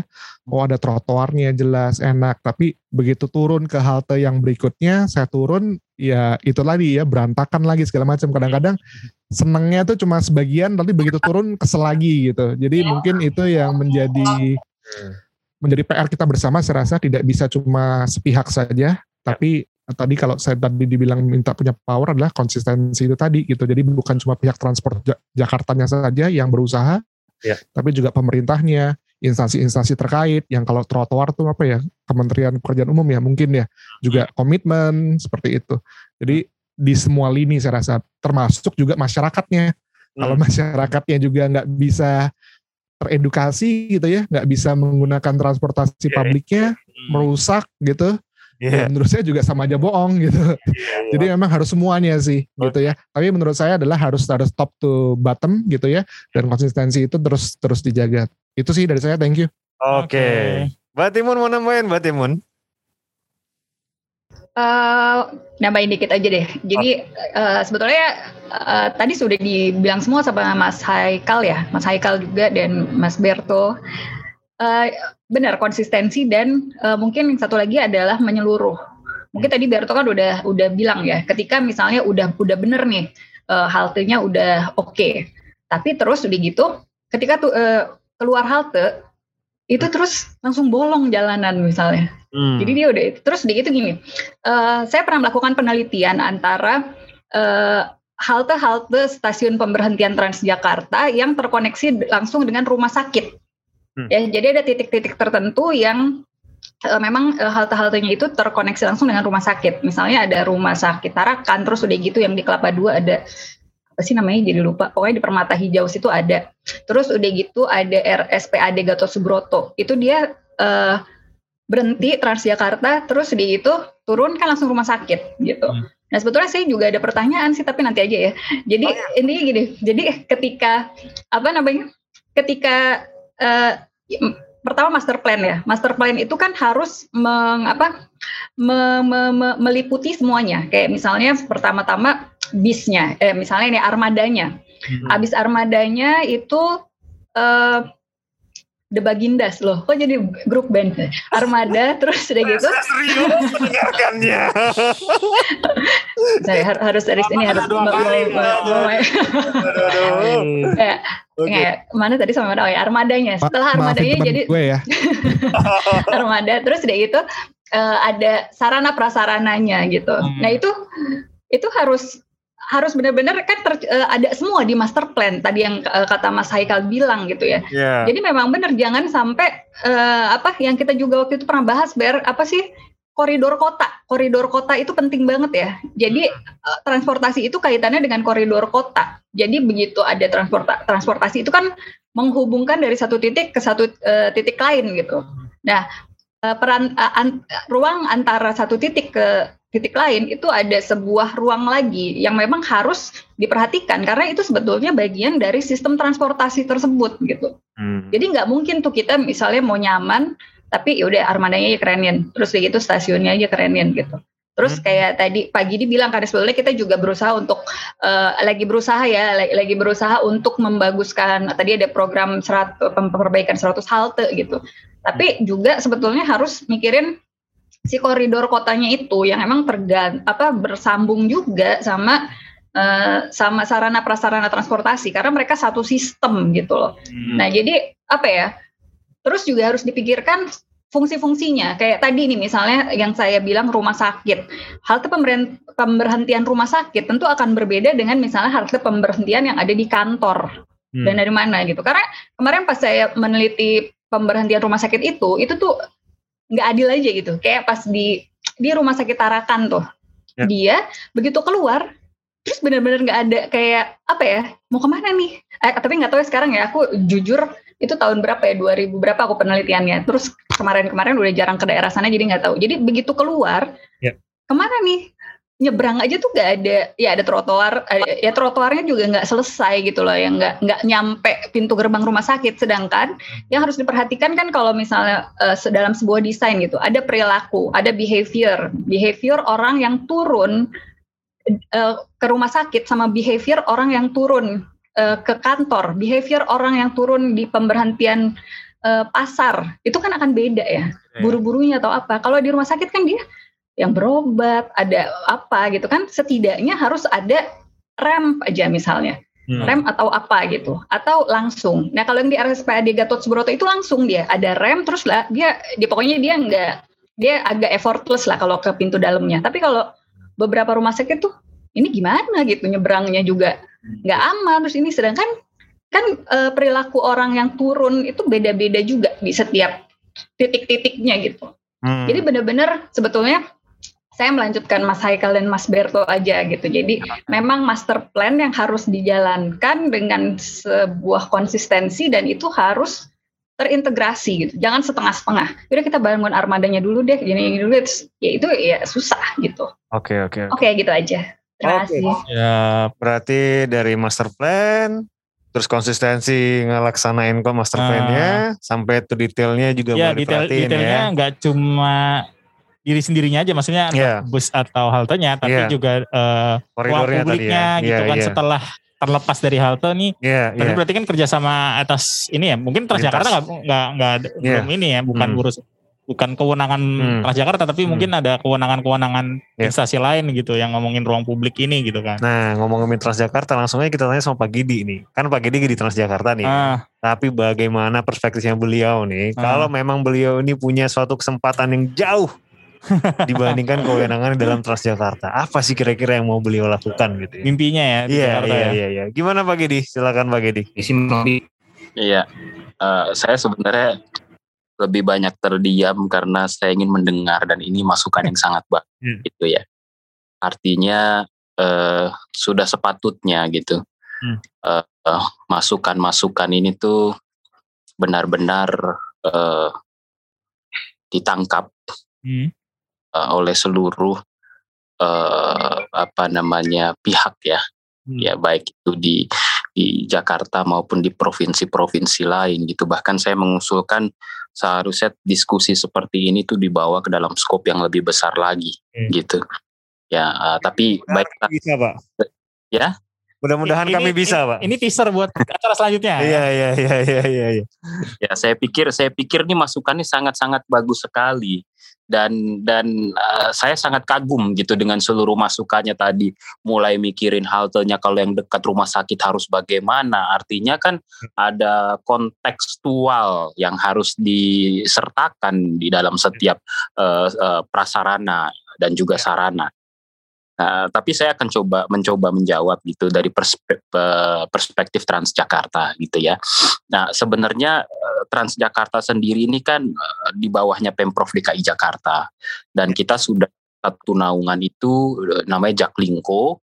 Di dalamnya itu ada MRT, Transjakarta, LRT dan KCI. Nah, ini konsep empat uh, transportasi publik ini akan disatukan menjadi satu integrasi. Makanya kemarin uh, Menteri BUMN Pak Erick Thohir dan juga Pak Gubernur DKI Jakarta uh, Pak Anies Baswedan itu kan sudah bekerja sama membentuk satu wadah yang namanya Jaklingko. Nah, Jaklingko ini harapannya adalah untuk membentuk suatu integrasi ya tadi seperti yang dikatakan dari uh, podcast uh, Batu Bata ya hmm. saya lupa nama ibu siapa tadi ibu siapa nah integrasi ini sebenarnya kata yang sering kita dengar gitu. Tapi tapi pada saat pengimplementasiannya uh, apa kita lihat memang butuh waktu untuk di, diimplementasikan. Nah, yang jelas uh, saya berada dalam Transjakarta Uh, melihat sendiri bahwa komitmen Transjakarta mendukung Pemprov DKI Jakarta untuk membentuk integrasi ini tidak main-main gitu.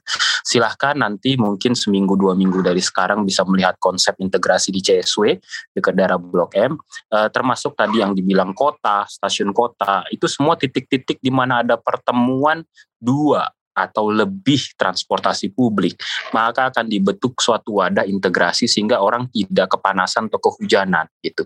Ini yang sedang titik-titiknya ini dipetakan semuanya dan nanti akan dibentuk menjadi satu wadah integrasi. Intinya harus terintegrasi. Ya. Orang tidak boleh capek untuk berpindah dari satu tempat ke tempat lain. Orang tidak perlu menggunakan banyak kartu, makanya nanti ada kartu Jaklingko yang nanti tanggal Agustus kalau tidak salah itu sudah mulai diresmikan dan orang sudah menggunakan satu kartu saja untuk semua moda transportasi. Silakan nanti ditunggu uh, kabar baiknya. Nah, hal yang kedua yang saya ingin tekankan, damai dalam transportasi publik itu ada beberapa hal. Pertama, masalah capacity ya sebagus apa pun uh, transportasi publik kalau cuma sedikit jumlahnya percuma gitu ya. Jadi capacity harus diperhatikan uh, kenaikan jumlah penumpang apalagi pembatasan jumlah orang. Sekarang kan cuma 50% kalau tidak salah tuh. Nah artinya jumlah busnya jumlah ininya harusnya armada lebih banyak lagi gitu. Kalau enggak sama saja bohong gitu. Yeah. yang kedua dari sisi capacity quality. Nah, kualitas dari sarana dan prasarananya gitu. Memang saat ini kelihatan di bagian pusat itu jauh lebih modern dan bagus. Tapi begitu ke pinggir gitu ya, waduh memang sedih gitu. Makanya Pak Gubernur dengan program revitalisasinya itu memastikan semua harus merata di semua titik harus merata. Tidak boleh lagi ada halte yang bunyi kertak kertek kercek seng gitu. Iya. Semuanya. Benar dirasakan nyaman oleh warganya. Nah, yang ketiga eh, selain dari sisi quality adalah coverage gitu. Nah, jangan sampai bagus sih bagus, tapi coveragenya itu hanya daerah-daerah tertentu saja gitu. Nah, coverage inilah yang menjadi PR berikutnya untuk memastikan ini masuk ke seluruh nadi uh, apa um, uh, geografisnya Jakarta gitu. Nah di geografis Jakarta ini kan semuanya sekarang kita pantau pak di Transjakarta. Kita bisa melihat kepadatan lalu lintas bahkan dari handphone uh, aplikasi VJ kita itu ada fitur uh, dari rumah mau ke destinasi. Nanti Transjakarta aplikasi langsung menentukan naik apa dulu jalan kaki berapa meter naik mikro trans lalu nanti uh, naik Transjakarta berhentinya di stasiun mana. Nah, titik itu dikumpulkan oleh Transjakarta untuk melihat berapa sering orang dari situ. Nah, itulah yang akan menjadi dasar kita juga sebagai masukan untuk membuka rute-rute baru gitu. Hmm. Jadi itu semua kami pikirkan uh, memang uh, apa ini butuh waktu tetapi eh, komitmen dari Pak eh, apa Direktur Utama kami Transjakarta Pak Joni itu memastikan bahwa ini harus cepat gitu. Ya. Pak Gubernur juga eh, menekankan ini harus cepat segera gitu. Tidak mungkin lagi warga kita kita biarkan eh, apa namanya menderita uh, harus naik turun naik turun tanpa ada sesuatu yang uh, memadahi dalam bentuk integrasi uh, apa namanya uh, untuk seluruh warga Jakarta. Nah, bicara coverage lebih besar, tentu nanti ada kerjasama lagi nih untuk Jabodetabek, Bogornya bagaimana gitu ya. Nah ini kompleks nih, cuman kalau Jakarta aja sebagai senternya saja belum siap, ya agak susah gitu. Jadi ya, ya. maka yang menjadi skopnya kita di Transjakarta itu kita kerjakan dengan baik. Tentunya kita sangat terbuka bekerja sama dengan seluruh pihak uh, public transport untuk bisa saling membuka akses uh, untuk menciptakan transportasi publik yang sangat baik untuk masyarakatnya. Kehidupan peradaban manusia di, di, di Indonesia khususnya di Jakarta jauh lebih baik dan kita bisa menuju kota yang modern. Luar biasa, ya, luar biasa, luar biasa. Mantap, mantap. Oh iya, ini Ya, ada yang udah ada yang udah mau nanya nih ya. Oh iya, iya. iya. Tunggu sebentar ya, tunggu sebentar, sebentar ya. Ini kita lanjut dulu ke beberapa uh, teman-teman kita yang lain dulu. Hmm. Nanti kita punya sisa waktu, itu akan kita buka semuanya. Silahkan ngobrol, ayo kita diskusikan bagaimana kita, sih Kita intinya. ini setara lah ya, jadi iya, kita, iya, iya. Uh, kita diskusi aja gitu, iya, ngobrol-ngobrol iya. aja. Gitu. Termasuk saya juga nanti pengen nanya sebenarnya. Lu ya. ya. Padahal dari tadi nanya juga. Nanya ya. juga ya. Oke, lanjut dulu aja ya ke tadi sih Nara Muda ya dari Nara Muda ya. ya. Dari intinya gimana gitu? Uh, di Mungkin kalau bisa ngapain mimpi lah. di Jakarta, mimpi di Malang atau mimpi yeah. di kota-kota lain. Ibaratnya gitu. kalian tuh Thanos, plak gitu. silakan. Siapa dulu ini mas? Ya, Rizky, uh, ya, Rizky nggak apa-apa. Oke, okay. kalau menurut aku, kalau ini uh, bukan di Jakarta doang ya? Bukan, bukan, bukan. Silakan, silakan. Uh, kalau menurut aku mungkin kalau aku punya kewenangan, selain aku setuju banget sepemikiran sama podcast Batu Bata tadi, uh, Kak Tasya tentang uh, deket rumah sakit dan uh, kalau hujan nggak perlu khawatir lagi tadi kata bapak siapa? Kalau saya setuju dengan itu dan juga uh, lebih dimeratakan lagi. Jadi transportasi yang dinaikkan bukan di Jakarta doang bukan di Jakarta saja cuman hmm. di kota-kota uh, lain termasuk kota Malang juga karena kota Malang itu kan identik dengan sering dipanggil dengan kota pendidikan ya di hmm. sini tuh banyak sekali sekolah-sekolah, di sini banyak sekali universitas.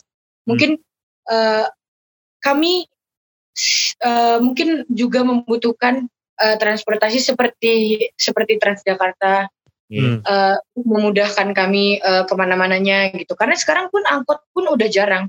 Oh. Jadi walaupun ada angkot, udah jarang banget. Yeah, gitu. Yeah. Mungkin kalau ditanya kalau punya power dan punya uh, tidak memikirkan uangnya, mungkin menyamaratakan di di berbagai uh, daerah hmm. ya. Apa? Karena setiap daerah memiliki uh, akomodasinya masing-masing, memiliki uh, jalur perjalanannya masing-masing. Ada yang kerja, ada yang kotanya emang kota kerja banget, ada kota pendidikan seperti kota Malang salah satunya. Seperti Hmm. Kalau uh, sorry nih nanya nih, kalau misalnya uh, tadi kan Eh, harapannya pengen melakukan pemerataan ya hmm. ke seluruh kota-kota di Indonesia. Kalau boleh spesifik, apa yang mulai dari mana nih? Apakah bisnya dulu kah? Atau ternyata mau bikin MRT dulu kah? Atau apa? Yang Mungkin yang... seperti Oh ya, izin izin menjawab ya. Silakan silakan. Mungkin seperti bus trans bus trans Jakarta itu sangat memudahkan uh, sekali ya uh, ketika saya di Jakarta tuh saya ke mana-mana ke pakai bus Jakarta kebetulan. Ya. itu sangat memudahkan dan sepertinya pembangunannya itu tidak terlalu lama seperti uh, pembangunan rel kereta api membutuhkan waktu yang lama pembangunan LRT MRT apalagi ya kan? Jadi kalau menurut saya uh, spesifiknya lebih ke bus. Bus ya? Oh oke oke oke lebih okay, lebih mudah pak. Karena yeah. Iya. uh, kan pakai halte dan kalau mau dibikin ya tidak seribet ketika bangun MRT atau LRT tadi hmm, mungkin hmm, kata hmm, Rizky. Hmm. Oke oke oke. Ada dari siapa lagi? Ada dari Rifki yang masih di terowongan, nggak tahu nih. Dia yeah. masih kejebak kayaknya di terowongan. Cari apa kamu di terowongan, Ki? ya kalau mungkin dari saya terkait uh, bicara mimpi ya, uh, saya kurang lebih setuju sih sama yang lain ya. Saya kita mengharapkan uh, apa transportasi yang ada di daerah kita terutama itu bisa saling terintegrasi itu yang pertama ya. Namun uh, kalau boleh uh, berpendapat ya dengan uh, uh, kalau misal itu bisa udah bisa terintegrasi nantinya tinggal bagaimana uh, apa namanya transportasi ini memberikan pelayanan yang sama halnya dengan ojek-ojek online gitu yang memberi menawarkan kemudahan yang secara okay. secara apa namanya mudah banget gitu kan oh, dengan gadget ya. gitu hmm. Hmm. dengan gadget uh, otak atik bisa uh, ojolnya bisa datang ke rumah kita mungkin ya. mungkin itu sih hmm. jadi otak atik otak atik aplikasi tiba-tiba bis di depan rumah enggak juga pak juga iya, iya, iya, dia nyewa satu bus dong berarti lanjutnya dari Film ya Ya, dari Vim ya? Dari, Vim. dari Mas Firman ya? Silakan Mas Firman. Mimpinya gimana Mas Firman? Kalau punya power apa pun bisa dilakukan. Banyak nih kayaknya. Ada bus ke musim bari Mas, oh, gimana? Iya salah satunya. Mungkin ini yang mungkin sering terlupa atau uh, terskip ya. Yeah. Kalau misalkan kita berbicara tentang Jakarta, itu kan nggak cuma Jakarta Utara, Timur, Barat, Pusat, Selatan, tapi ada Kepulauan Seribu juga. Hmm. Nah ini uh, saya jadi jadi kepikiran nih. Yeah, yeah. Uh, kadang kebetulan saya kerja di Museum Bahari dan hmm. kita mengelola juga salah satu destinasi wisata taman taman arkeologi Onrus ya. Kadang suka ada yang nanya cara dari situ ke ke Pulau Onrus lalu ke Pulau Seribu. Nah itu sih mungkin yang agak terlupa kadang ya, hmm. bagaimana mengintegrasikan. Memang sudah ada sih, cuman uh, sangat uh, jarang sih ya uh, spare waktunya itu untuk ke situ dan kami pun masih kesulitan untuk uh, misalkan ngasih saran yang tepat ya untuk harus diingat ya yeah. Indonesia ini negara maritim iya, maritim itu dia. lebih banyak dibandingkan daratannya gitu yeah, tapi yeah. transportasi antar pulau tuh masih susah Mungkin iya itu ada Pak Gidi juga kan ya. Oh, Transjakarta iya. di air ya. Transjakarta di air. iya. iya iya. Nah mungkin nanti ya ke depannya. Iya, betul betul betul. Nanti ada. tapi tapi memang Transjakarta itu ke depan ya. Ini lagi ada pembicaraan hmm. itu lagi digodok. Itu untuk ke wilayah apa? Ke wilayah uh, Kepulauan Seribu hmm. itu rencana akan ada Transjakarta juga. Jadi supaya orang itu tidak kesulitan karena namanya Kepulauan Seribu itu juga adalah warga Jakarta gitu. Ya, nah, mungkin dengan dibukanya Transjakarta Laut nantinya ini masih masih dalam uh, penggodokan, mungkin dari sisi faktor wisata akan jauh meningkat, ekonomi meningkat dan sebagainya. Hmm. Nah, tapi ini akan akan ada pembahasan-pembahasan tetapi iya benar uh, orang sudah mulai membicarakan itu dan dan ini masih dalam penggodokan. Oh, oke oke oke. Nah, ini perlu disebar luaskan ini. Transjakarta oh. Laut, Pak. Transjakarta Laut. Mantap, mantap. Line, line dedicatednya kayak apa ya? Ada ya? Iya, iya, iya. Selanjutnya dari HMPS Transportasi ya? HMPS ya? Iya, HMPS Transportasi. Iya. Ada Mbak Asya, gimana Mbak Asya? Kalau misalnya Mbak Asya bisa melakukan apa pun untuk transportasi ini, apa yang ingin dilakukan? Apa teori kuliahnya mau diterapkan gitu kan? Iya, apa yang kira-kira yang tetap? Kalau misalkan ngomongin soal mimpi nih, uh, kalau saya punya kewenangan atau apa pun gitu ya, misalnya mimpi transportasi di Indonesia ini sebenarnya sama kayak Mbak yang dari Sekia tadi yang dari Nara Muda. Hmm. Inginnya sih transportasi itu dibuat rata se Indonesia kalau bisa. Maksudnya kan ya nggak yang Jakarta-Jakarta aja gitu. Ya, betul. Nah, selain itu bisa membuat nyaman bagi pengguna, khususnya juga para disabilitas nih. Wah, Wah, itu juga. Dan, iya, dan tadi benar kata Mas siapa tuh yang dari batu bara bahwa transportasi itu kan bisa batu bara. Batu bara, beda. Lain lagi nanti, lain lagi, lain lagi. Podcastnya lain lagi kayaknya. Oh iya, podcast batu bara maksudnya. Batu bata. transportasi. Dua kali salahnya. Oke, oke, oke. Gak apa-apa. Iya, jadi eh, bahwa transportasi itu bisa menunjukkan kemajuannya suatu atau bahkan negara, suatu kota atau bahkan negara. Ya. ya, diharapkan transportasi ini bisa lebih terintegrasi dan selain pembangunannya juga tidak lupa juga kekuatan dari sosialisasinya jangan sampai kalah nih jumlah pengguna transportasi umum sama transportasi pribadi. Ditambah juga mungkin ada harga khusus atau gratis ya untuk pelajar dan mahasiswa uh, agar semakin uh, terbiasa dan tertarik ya? nih.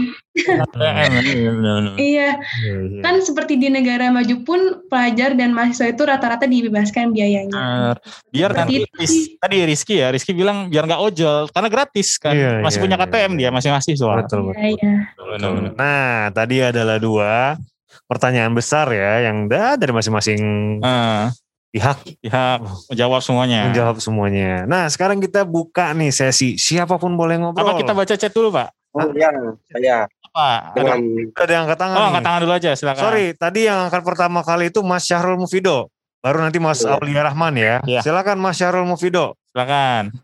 Oke, terima kasih. Ya, silakan, silakan.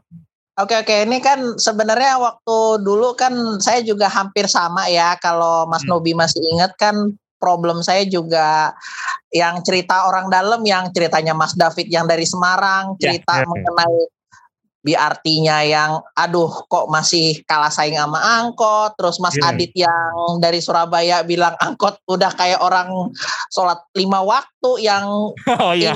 oh iya minum obat gitu. Yeah. Ini kan saya juga ada di grup WA-nya. Nah, yeah. menanggapin para narasumber ini, ya sebenarnya sih kalau boleh kita bilang ya, eh, kita memang sedang menuju tempat yang tepat dengan jalur yang tepat eh, integrasinya. Karena kita belajar juga dari kasusnya komuter lain yang jauh deket dulu tuh waktu awal-awal etiket itu 17.500 jauh deket oh, ingat saya mahal oh, iya. banget ya awal pertama dulu pak. deket ya? Iya oh, pak. iya, iya. dulu dulu ada perbedaan juga ada yang bisnis sembilan ribu kalau nggak salah. Oh oke okay, okay. ya uh, ekonomi AC sama Express. Iya ekonomi AC nah, iya. dulu dulu saking itunya komuter lain yang ini karena tiap berhenti itu tujuh belas ribu lima ratus itu. Jadi saya ngebayangin waktu itu kan saya naiknya dari UI mau pulang ke rumah. Kenapa saya malah dikasih harga kayak serpong tujuh belas lima ratus Harganya sama ya. Mau ke yeah. Serpong juga harganya tujuh belas ribu lima ratus. Iya, Kalau tujuh belas lima ratusnya itu bisa integrasi ke uh, moda transportasi yang seperti kata pagi dibilang itu bisa KRL, terus bus Transjakarta, terus MRT, sama apa pun yang kita naikin seluruh Jakarta pulang balik. Saya setuju itu. Itu saya acungi jempol kalau Pemprov DKI Jakarta berani ada inovasi pulang balik. Kalau perlu kalau misalkan 12 ribu, mantep itu. Itu baru mantep. Oh, iya, iya. Confirm Ibu, itu nanti dari Jaklingko akan ada tarif tersebut sehingga akan diukur per kilometer sehingga tidak membebankan uh, rakyat tentunya.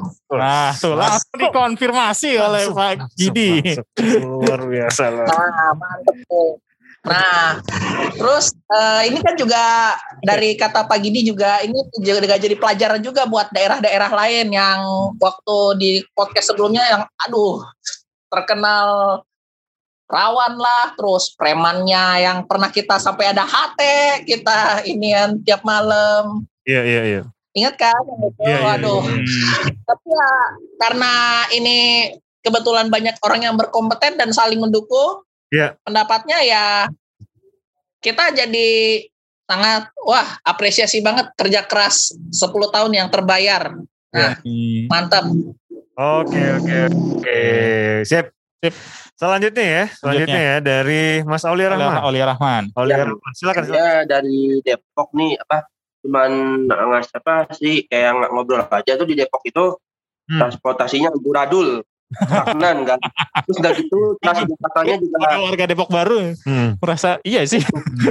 Iya di Depok itu kacau deh angkot-angkotnya nggak jelas. Wali kotanya juga nggak ngizinin Transjakarta mah ya Oh gitu. Nanti ya? harapan saya ke depannya sih kalau bisa Depok itu ya ini, mungkin bisa kasih kalau bisa busway rute D11 tolong dibuka dong. D11 yang Cawang UKI PKN eh yang ke, dari terminal Depok ke PKN kan oh, dulu ada langsung ya? Eh dari itu, eh, terus kejar, Depok.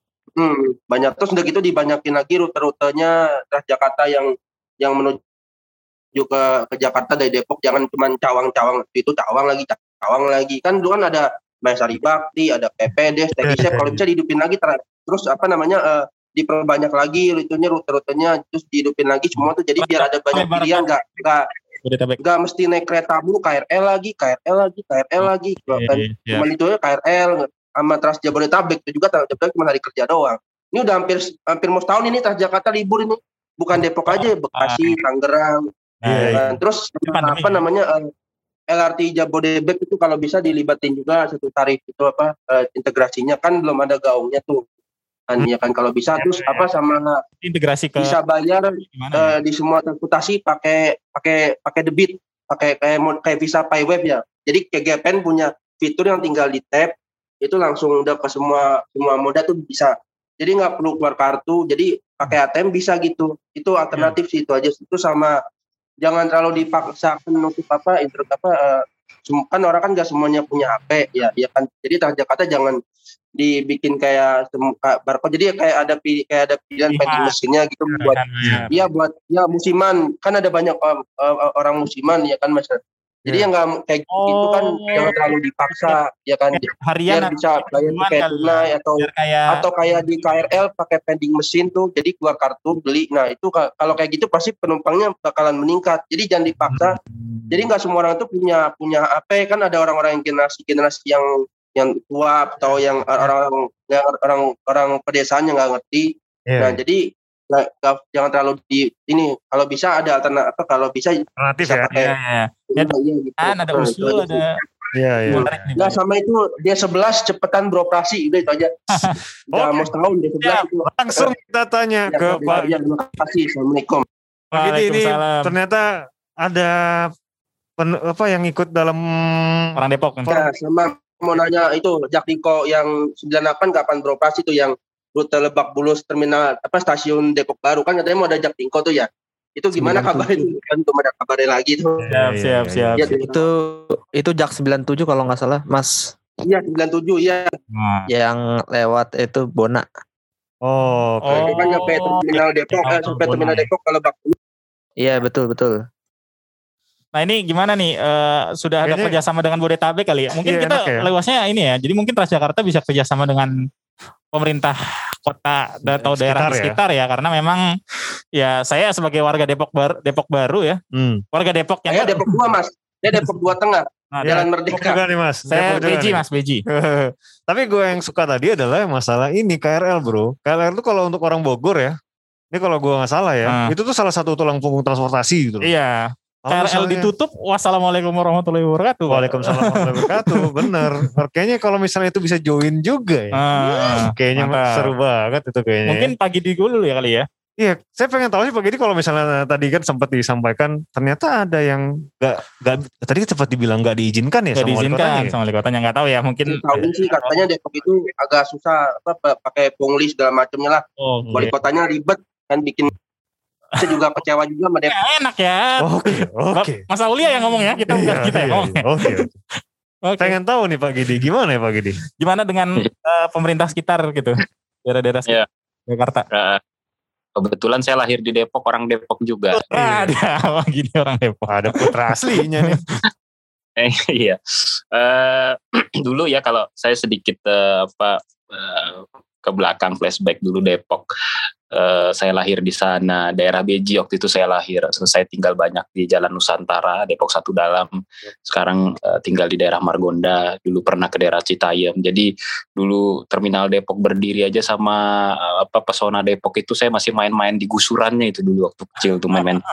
Oke. okay. Nah, eh, apa namanya dulu eh, apa Depok masih terkenal dengan Agung Shop ya itu satu-satunya mall terbesar ya oh, Depok dulu. Gak tahu tuh saya.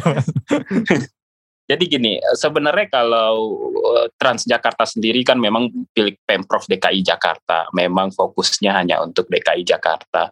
Kebetulan Transjakarta sendiri itu masih melayani itu sampai masuk ke daerah UI saja gitu ya. Oh, UI. Iya. karena itu kan 4B.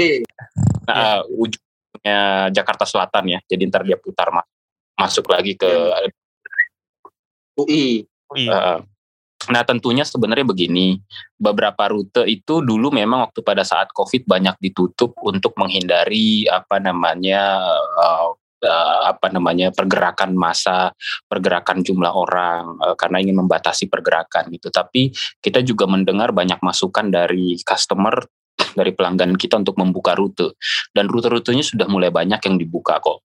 Nah, uh, saya sarankan untuk coba download TJ app aja di situ udah kelihatan secara real time uh, rute mana yang dibuka, rute mana yang ditutup secara real time. Jadi ntar bisa dilihat. Nah, uh, di app itu juga ada satu channel namanya suara apa? Suara sahabat TJ.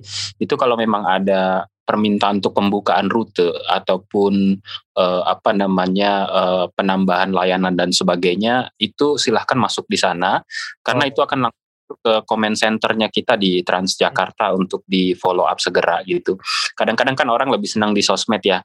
Nah di sosmed ini kadang ada yang ketangkep uh, suaranya ada yang tidak gitu. Nah, hmm. Nah tapi kalau melalui TJ app itu sudah dipastikan tuh masuk ke customer voice-nya kita dan itu selalu di follow up uh, dengan serius oleh Transjakarta gitu. Beberapa rute-rute yang dulunya ditutup itu sudah banyak yang dibuka sekarang. Akan tetapi tentunya masalah pembukaan rute ini akan dipertimbangkan dari segala aspek termasuk aspek kerumunan, aspek uh, apa namanya uh, ya terutama karena masih masa pandemi ini ya gitu. Tetapi saya rasa uh, untuk saat ini sudah sangat banyak rute-rute yang dibuka. Dulu Cibubur sempat ya, ditutup ya, tapi sekarang juga sudah dibuka gitu. Jadi silahkan dilihat lagi saja mana yang uh, dirasa memangnya harus dibuka itu di TJF bisa kelihatan di situ tinggal minta saja mana nanti pasti akan di follow customer voice kebetulan itu tim untuk untuk memfollow up uh, dan menganalisa pembukaan rute lama Oke, siap Pak. Siap, siap, Itu siap. tadi udah ada ini ya. Rute barunya uh, kira-kira ada bakal ada pengembangan nggak? Kayak ngaktifin bis kota ada. yang yang bis kota kan lu kan banyak Depok tuh ada pasar baru, ada Pulau hmm. Gadung, Tanah Abang, Kalideres. Itu di nah, coba bakalan di, ya. diwujudkan model Transjakarta gitu ya? Atau ya, gimana kalau, gitu? Kalau antar ini karena memang Depok ini sudah Jawa Barat ya. Iya. Sehingga kalaupun nanti masuk ke sana tentunya eh, apa Transjakarta tidak bisa langsung karena ranahnya sudah masuk ke provinsi Jawa Barat gitu ya. Kalau Bekasi ya. Bekasi ya. bisa buka. Mau ngomongin ya, tentu ya. bilang Bekasi juga susah gitu. Iya betul. Nah ini betul, mungkin betul. kerjasama antar daerah perlu ditingkatkan lagi Iya Pak. iya. Komunikasinya Gimana? juga harus komunikasinya harus ditingkatin ditingkatin. Kalau bisa angkot-angkot yang di Depok juga modelnya kayak Jaktingkot tuh kalau yang apa ya yang di dalam Depok semuanya ganti udah Silahkan. Ayo. biar, enak Dukung Apa untuk sekarang nggak jelas kan. Iya. semuanya ugal-ugalan Ayo ayo. ganti semuanya ganti mau Depok pinggiran Depok kota Depok Iya. pedesaan semuanya pakai oke. gituan semua udah pokoknya Ya, makasih Mas Aulia. Lanjut Ya, nih, saya- ada nih. Ada dari Mas, Mas Rizky. Rizky Benando. Rizky Benando. Tadi sempat raise hand. Gimana Mas Rizky? Ada yang mau ditanyain? Atau Ah, sampaikan? Oke, bentar. sebelumnya saya ucapkan assalamualaikum dulu. Waalaikumsalam. Salam ya. Oke, ini saya kebetulan eh, saya perkenalkan saya Rizky. Kebetulan saya dari Palembang. Oh iya. Wow. Nah, dari Palembang. Walaupun saya dulu sempat lahir di Jakarta Timur, besar di Depok, akhirnya tetap di Palembang gitu. Iya iya iya. Nah, ini jadi saya mau ini bukan se, bukan pertanyaan, namun ini boleh ya kalau share share secara pengalaman pribadi, oke boleh ya. Oke. Jadi gini ya, kalau untuk di Jakarta sendiri, oke benar kata orang-orang transportnya sudah benar-benar di-upgrade mulai dari Transjakarta, KRL segala macam. Itu saya sudah merasakan upgrade-upgrade-nya. Dan yang satu yang saya salut itu dari pihak Jaklingko itu ada namanya apa akun base akun base system ya, apa sistem integrasi pembayaran ya? Hmm. Akun ticketing namanya. Ya, akun base ticketing. Nah, itu itu kenapa saya salut? Itu karena saya dulu waktu sekitar dua tahun yang lalu saya pernah ke Jerman Hmm. menerapkan integrasi te- pembayaran tiketingnya kurang lebih sama begitu pak nah, makanya saya benar-benar berharap uh, implementasi dari account based ticketing ini untuk dari Transjakarta Iya iya. Sudah iya, iya, dinantikan nih Mbak begini. Iya iya. Iya, soalnya saya sudah pernah pengalaman di Jerman, Iya. terutama saya saya pernah ke Frankfurt kalau nggak salah dulu. Hmm. Ya, sistem integrasi pembayarannya kayak gitu, account based ticketing gitu. Iya iya iya iya. Nah, ini nah Jadi ini menarik ya. Maksud gue kalau misalnya dari tadi eh, sebenarnya kan transportasi publik di Jakarta kan banyak ya. Hmm. Eh, Transjakarta, Hmm. MRT, ah, Transjak ya. Hmm. Tadi juga beberapa teman-teman kita di sini sharing bahwa berangkatnya juga mulai Transjakarta, Ya. integrasinya ah, ya. ya be- benar gitu. Maksudnya oke, saya saya men- menantikan hal tersebut ya, Hmm. terjadi gitu ke depannya. Iya, Nah, ini juga saya ingin share share pengalaman saya untuk transportasi umum yang ada di Palembang, boleh kan? Boleh, boleh, Silakan, silakan. Oke, oke. nih. Palembang gimana Mas? Palembang. Eh, kalau menurut saya eh, transportasi di umum di kota Palembang cuman satu yang menurut saya benar, maksudnya yang benar-benar tertata walaupun masih ada kurangnya. Satu-satunya yaitu LRT Sumsel. Hmm. Oh. Cuma iya. LRT Sumsel itu yang per- itu yang LRT pertama di Indonesia itu. Oh Iya, iya, iya, iya, iya, yang iya. buat Asian Games ya? Asian Ya, Games. ya, literally sebenarnya untuk Asian Games untuk jangka pendek, jangka panjang memang untuk transportasi umum gitu. Iya. Oke. Ya, mem- nah, yang jadi masalahnya di kota Palembang ini itu untuk eh, transportasi yang lainnya seperti transmusi sama angkot-angkotnya itu masih kacau, Mas. Hmm. Gitu. Saya ingat saya ingat betul waktu pertama kali saya dengar berita transmusi di operasi apa? Pertama kali operasional 2009 itu waktu wali kota zaman dulu ada jadi saya ikutin perkembangannya, ada master plan-nya segala macam. Namun semenjak ganti wali kota, master plan berubah. Transmusi sekarang berjalan di tempat. Iya, iya. Walaupun ada inovasi, sekarang kan ada yang namanya sistem BTS kan, by the service, Hmm. layanan teman bus gitu. Hmm. Dan ada wacana lagi transmusi itu pakai layanan bus listrik. Itu masih wacana 2023. Iya iya iya iya. Nah, namun sampai sekarang ya transmusi ma- masih berjalan di tempat kayak gitu. Oh, oke oke. Ini sebenarnya Ah, jadi- berkaitan sama yang disampaikan oleh Mas Berto, Mbak Timun, sama Saikal di awal tadi ya. Hmm. Master plan ada, Tiba-tiba Master konsisten plan ada, tiba-tiba berubah Iya. karena karena sistem pemerintah juga ya. Hmm. karena pemerintahan berganti seperti itu. Iya. Nah, dulu nah dulu juga karena efek dari Transjakarta yang dulu sempat mulai pembayaran melalui e-money. Transmusi dulu juga pernah kayak gitu. Hmm. Cuman salahnya Transmusi pakai kartu sendiri Oh, dan ah, itu yang kartu lain ya? kartu lain kurang lebih kasusnya sama kayak trans apa kayak Surabaya bus zaman sekarang. Oh, ah itu yang harus kalau Surabaya bus kita harus hmm. apa harus bayarnya pakai sampah botol plastik, sedangkan kalau ter, kalau transmusi itu harus pakai kartu sendiri dan ya. itu harus diisi di beberapa tempat tertentu yang literally enggak fleksibel gitu, bukan kayak trans, kayak emani segala macam enggak. Jadi ini ya, tidak effortless kalau kata ini ya Mbak Tim. Iya, betul. nah, Nah, itu sa makanya sampai sekarang kalau transmusinya masih ada yang menggunakan cash, sedangkan untuk yang by the service teman bus kan udah pakai e-money segala macam gitu. Iya, iya, iya, iya, iya. Nah, itu dan juga dan juga integrasi di Kota Palembang kalau menurut saya masih kurang. Hmm. LRT aja cuman nyambung bandara. Hmm. Yang benar-benar pusatnya itu di wilayah Ampera itu benar-benar nggak ada nggak ada ini, nggak ada integrasi sama sekali. Hmm. Itu saya sekarang masih mau apa mau di, mau lihat-lihat lagi saya masih mau ada yeah. semacam kayak apa kayak ini lah rancangan-rancangan lah saya saya juga sebenarnya lagi ada proyek kecil-kecilan untuk pemetaan transmusi ke depannya kayak gitu nah hmm. nah kurang ya kurang lebih sama kayak apa kayak tugasnya transport per Jakarta lah yang ada tugasnya untuk buat map transportasi umum. Nah kurang lebih tugas saya sekarang kayak gitu. Oh. Saya juga pengen, saya juga pengen kalau ada transportasi di Palembang itu benar-benar tertata, kurang lebih sama kayak Jakarta dulu lah, kayak oh, gitu. Oke, oke, oke, siap, siap, siap, siap, siap. siap. Nah, Luar gitu, biasa ya, ya. ya. Uh, kita jadi tahu juga gitu kan iya, kan daerah-daerah lain seperti karena apa. Karena gue jujurnya belum pernah ke Palembang, bro. Jadi nah, gak pernah kebayangin juga. Kita gitu perlu ya. ke sana, soalnya. Uh, oh boleh boleh boleh kalau perlu mungkin misalnya kalau ada ya. pertanyaan-pertanyaan lain seputar transportasi di Palembang boleh boleh. Ya, Oke siap siap siap, siap. Terima kasih mas. Oke. Ya sama-sama ya. Mas Rizky ya. Uh, ini sebelumnya saya mohon maaf dulu nih kita mohon maaf dulu nih karena waktu juga ya. Uh. Kayaknya nggak bisa semuanya ngobrol. yeah. Tapi kita kasih satu terakhir deh ini mohon maaf ya kalau misalnya ada teman-teman yang mungkin ada pertanyaan belum kejawab atau ada hmm. ada yang ingin disampaikan tapi belum kesampaian ya. Ini ada dua orang nih kebetulan yang udah resen. Tadi saya lihat Mas Fahreza Arif. Jadi silakan Mas Fahreza Arif uh, mau menyampaikan sesuatu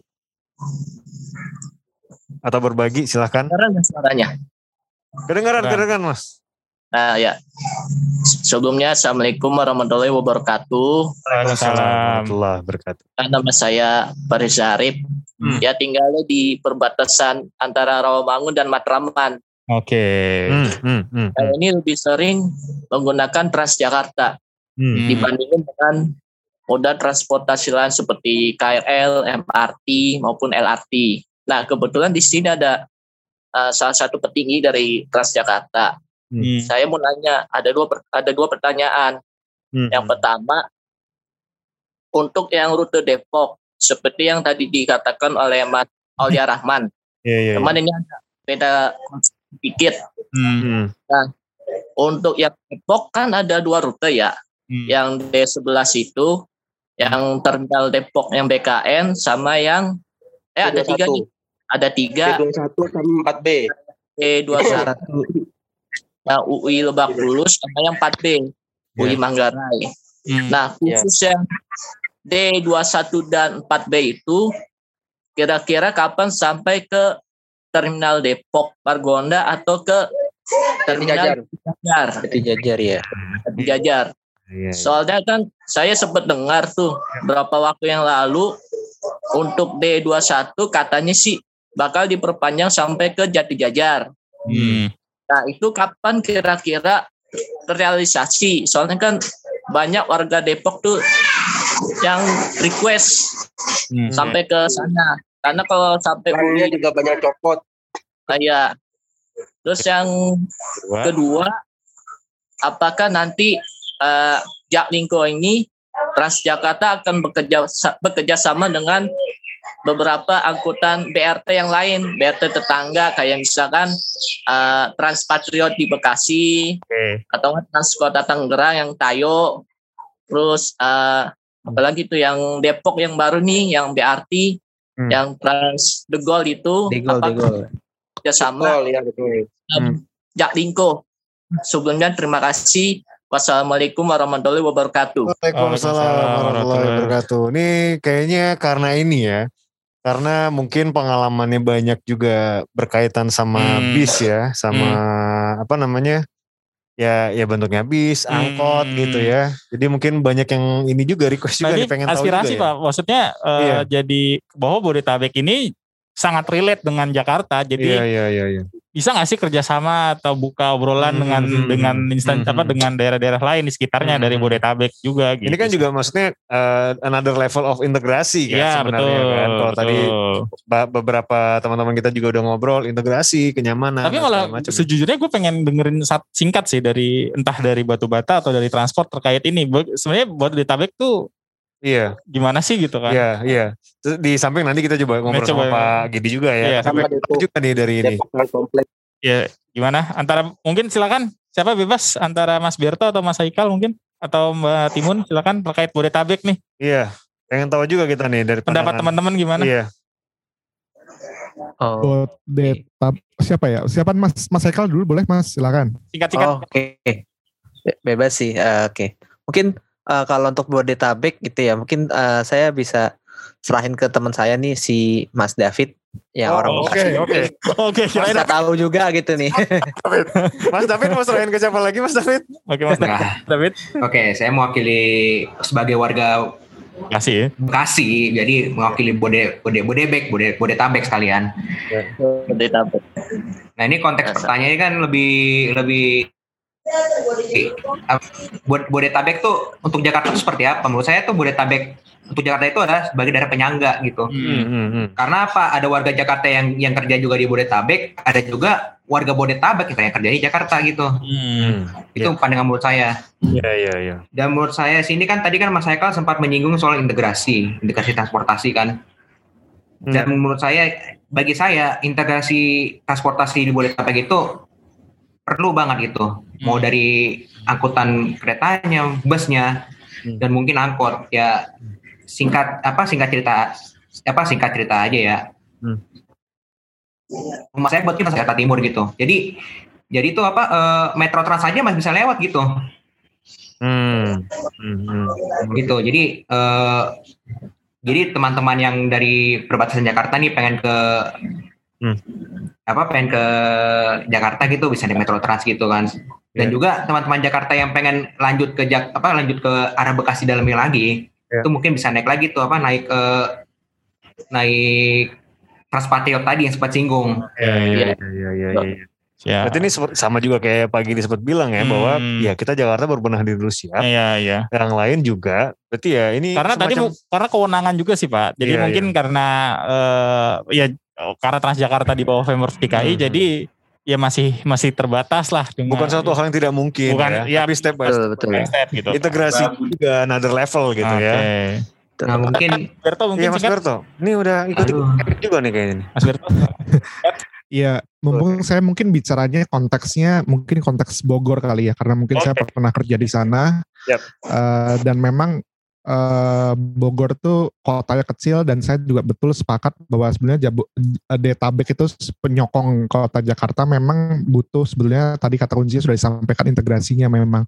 Dan memang sudah ada sebetulnya ya integrasi dalam artian dari Tangerang dari Bogor itu ada KRL memang yang untuk saat ini mungkin yang bisa dibilang lebih efisien uh, cepat mungkin ekonomis juga gitu ya Uh, karena kalau kita naik bus Damri mungkin dari Bogor ke Jakarta mungkin macet mungkin salah satunya itu. Tapi kalau KRL mungkin dari segi waktu kita bisa prediksi meskipun ya mungkin harus penuh sesak dan tidak nyaman mungkin ya. Tapi itu mungkin salah satu ininya lah. Nah mungkin yang perlu ini yang saya coba uh, garis bawahi adalah waktu pengalaman saya waktu kerja di Bogor. Dari rumah uh, ke Bogornya mungkin ke stasiunnya ya stasiun Bogornya mungkin nyaman ya enak. Karena dari rumah saya cuma jalan kaki lalu saya naik KRL turun di stasiun. Nah dari stasiun ini kebetulan uh, ke kantor nih. Nah itu mungkin yang butuh kan ada perpindahan moda transportasi. Waktu itu saya menggunakan angkot memang. Ya mungkin teman-teman tahu sendiri angkot di Bogor pengalamannya seperti apa. Ya memang menyebalkan gitu ya. Nah jadi memang butuh ada uh, pergeseran. Mungkin kalau kita belum bisa mengandalkan pihak lain atau dalam konteks ini mungkin instansi-instansi terkait, apakah mungkin kita bisa me membuat sendiri? Artinya kita beraksi dulu. Jadi menurut saya yang paling gampang ya misalnya ya oh apakah ada sepeda gitu. Jadi ya mungkin konteksnya adalah jangan-jangan di Bogor ada tempat parkir sepedanya yang nyaman, ada kamar mandi segala macam. Jadi mungkin kalau teman-teman yang ber ber apa ya berpindah itu dari rumah ke stasiun Bogor itu bisa naik sepeda bisa apa yang mengusahakan sendiri tanpa mungkin harus menunggu. Kayaknya kalau kita harus menunggu apa uh, tadi wali kotanya berubah kita harus menunggu pimpinannya berubah kayaknya kita cuma sekedar uh, wishful thinking gitu ya berharap-harap saja sampai nanti berubah tapi kita sendiri ya hanya terima-terima saja tapi hmm. sebenarnya kita bisa memulai ini juga dari bawah sebetulnya kita bisa apa sih kita coba tunjukkan ya memang akan bukan effortless sih, memang akan butuh sangat effort gitu ya. Yeah. Tapi perubahan itu menurut saya bisa dimulai sekecil mungkin dari kitanya tanpa harus menunggu gitu ya. Yeah, yeah. Nah itu sih kalau kalau dari saya mungkin bisa dilihat dari sudut itunya, tapi mungkin secara garis besar memang uh, untuk untuk konteks Indonesia sepertinya uh, top down approach itu akan sangat-sangat benar-benar di, dibutuhkan sih sebetulnya. Benar, benar. Terima kasih. Terima ya, kasih. Benar, benar. ini... Karena ini ya eh, apa namanya ya kalau emang kita nggak bisa berharap sama ininya pemkotnya daerahnya dan segala macam ya kita mulai dari diri sendiri ya, aja. Kita gitu. mulai coba ya. Mulai, mulai coba. coba gitu. Ini ya. karena udah banyak yang dari tadi ya. Kapan hmm. kapan Transjakarta ke sini, kapan ke Transjakarta hmm, ke sini hmm, ya. Hmm. Semoga daerah-daerah lain bisa mengikuti lah. Gitu. Yes, yes, yes. Dan mohon maaf sekali lagi dan ya buat semuanya. Operator karena... sudah Waktu Udah waktu-waktu. nih ya. Kalau dilanjutin terus ngobrolnya sampai bisa, maghrib. Maghrib nih. Gitu, Kami mohon maaf, maaf dan terima kasih sekali buat semuanya, semuanya. yang udah join di sini. Ada Mas David dan Mas Haikal dari Transport, juga ada Mas Berto dan Mbak Timun dari, dari Batu Bata. Batu Bata ya. Dan ada Mbak Rizkia dan Mas Rifki dari Nara Muda dan Mas Firman dari Film Jakarta uh, Pak Gidi dan dari Transjakarta dan Mbak Asia ya dari HM Transportasi. Sekali lagi kami terima kasih sekali atas ya. waktunya ya. dan berbagi ceritanya. Hmm. Ini juga suatu pengalaman baru juga bagi kami ya. Insya Allah ini uh, akan ada acara-acara lain selanjutnya. Sebenarnya begitu. Tunggu aja gitu aja. Uh, terkait transportasi juga. Iya, jadi ini uh, bukan yang terakhir sih. Iya, kita teaser buat iya, buat acara-acara yang lebih tes ombak, lagi, tes, ombak, tes ombak. Gitu kan. Ternyata banyak banget nih. Jadi ya, jangan banget. lupa uh, follow akun-akun kita, yeah. dengerin di Spotify, yeah. di YouTube, yeah. follow di IG, yeah. follow IG uh, hostnya juga nggak usah, ya. Nggak usah, usah, ya. Nggak usah, nggak usah ya. Oke, oke, oke. Udah. Acaranya okay. kapan sih yang satu lagi? Uh, tunggu aja. Tunggu aja. Makanya follow IG okay. cerita orang dalam siap, siap, di siap, Twitter siap. dan di uh, IG iya, iya. gitu dan follow IG cerita orang dalam di Twitter dan di IG. Iya eh, iyalah gimana salah ya. Sih? Oke, okay. oke. Okay. Dengerin di Spotify, dengerin di YouTube juga. Oke, okay, terima kasih sekali uh, atas waktunya. Kami mohon maaf kalau ada salah-salah kata, oh. pengucapan nama dan sebagainya. Terima kasih. Uh, Assalamualaikum warahmatullahi wabarakatuh. Bye bye.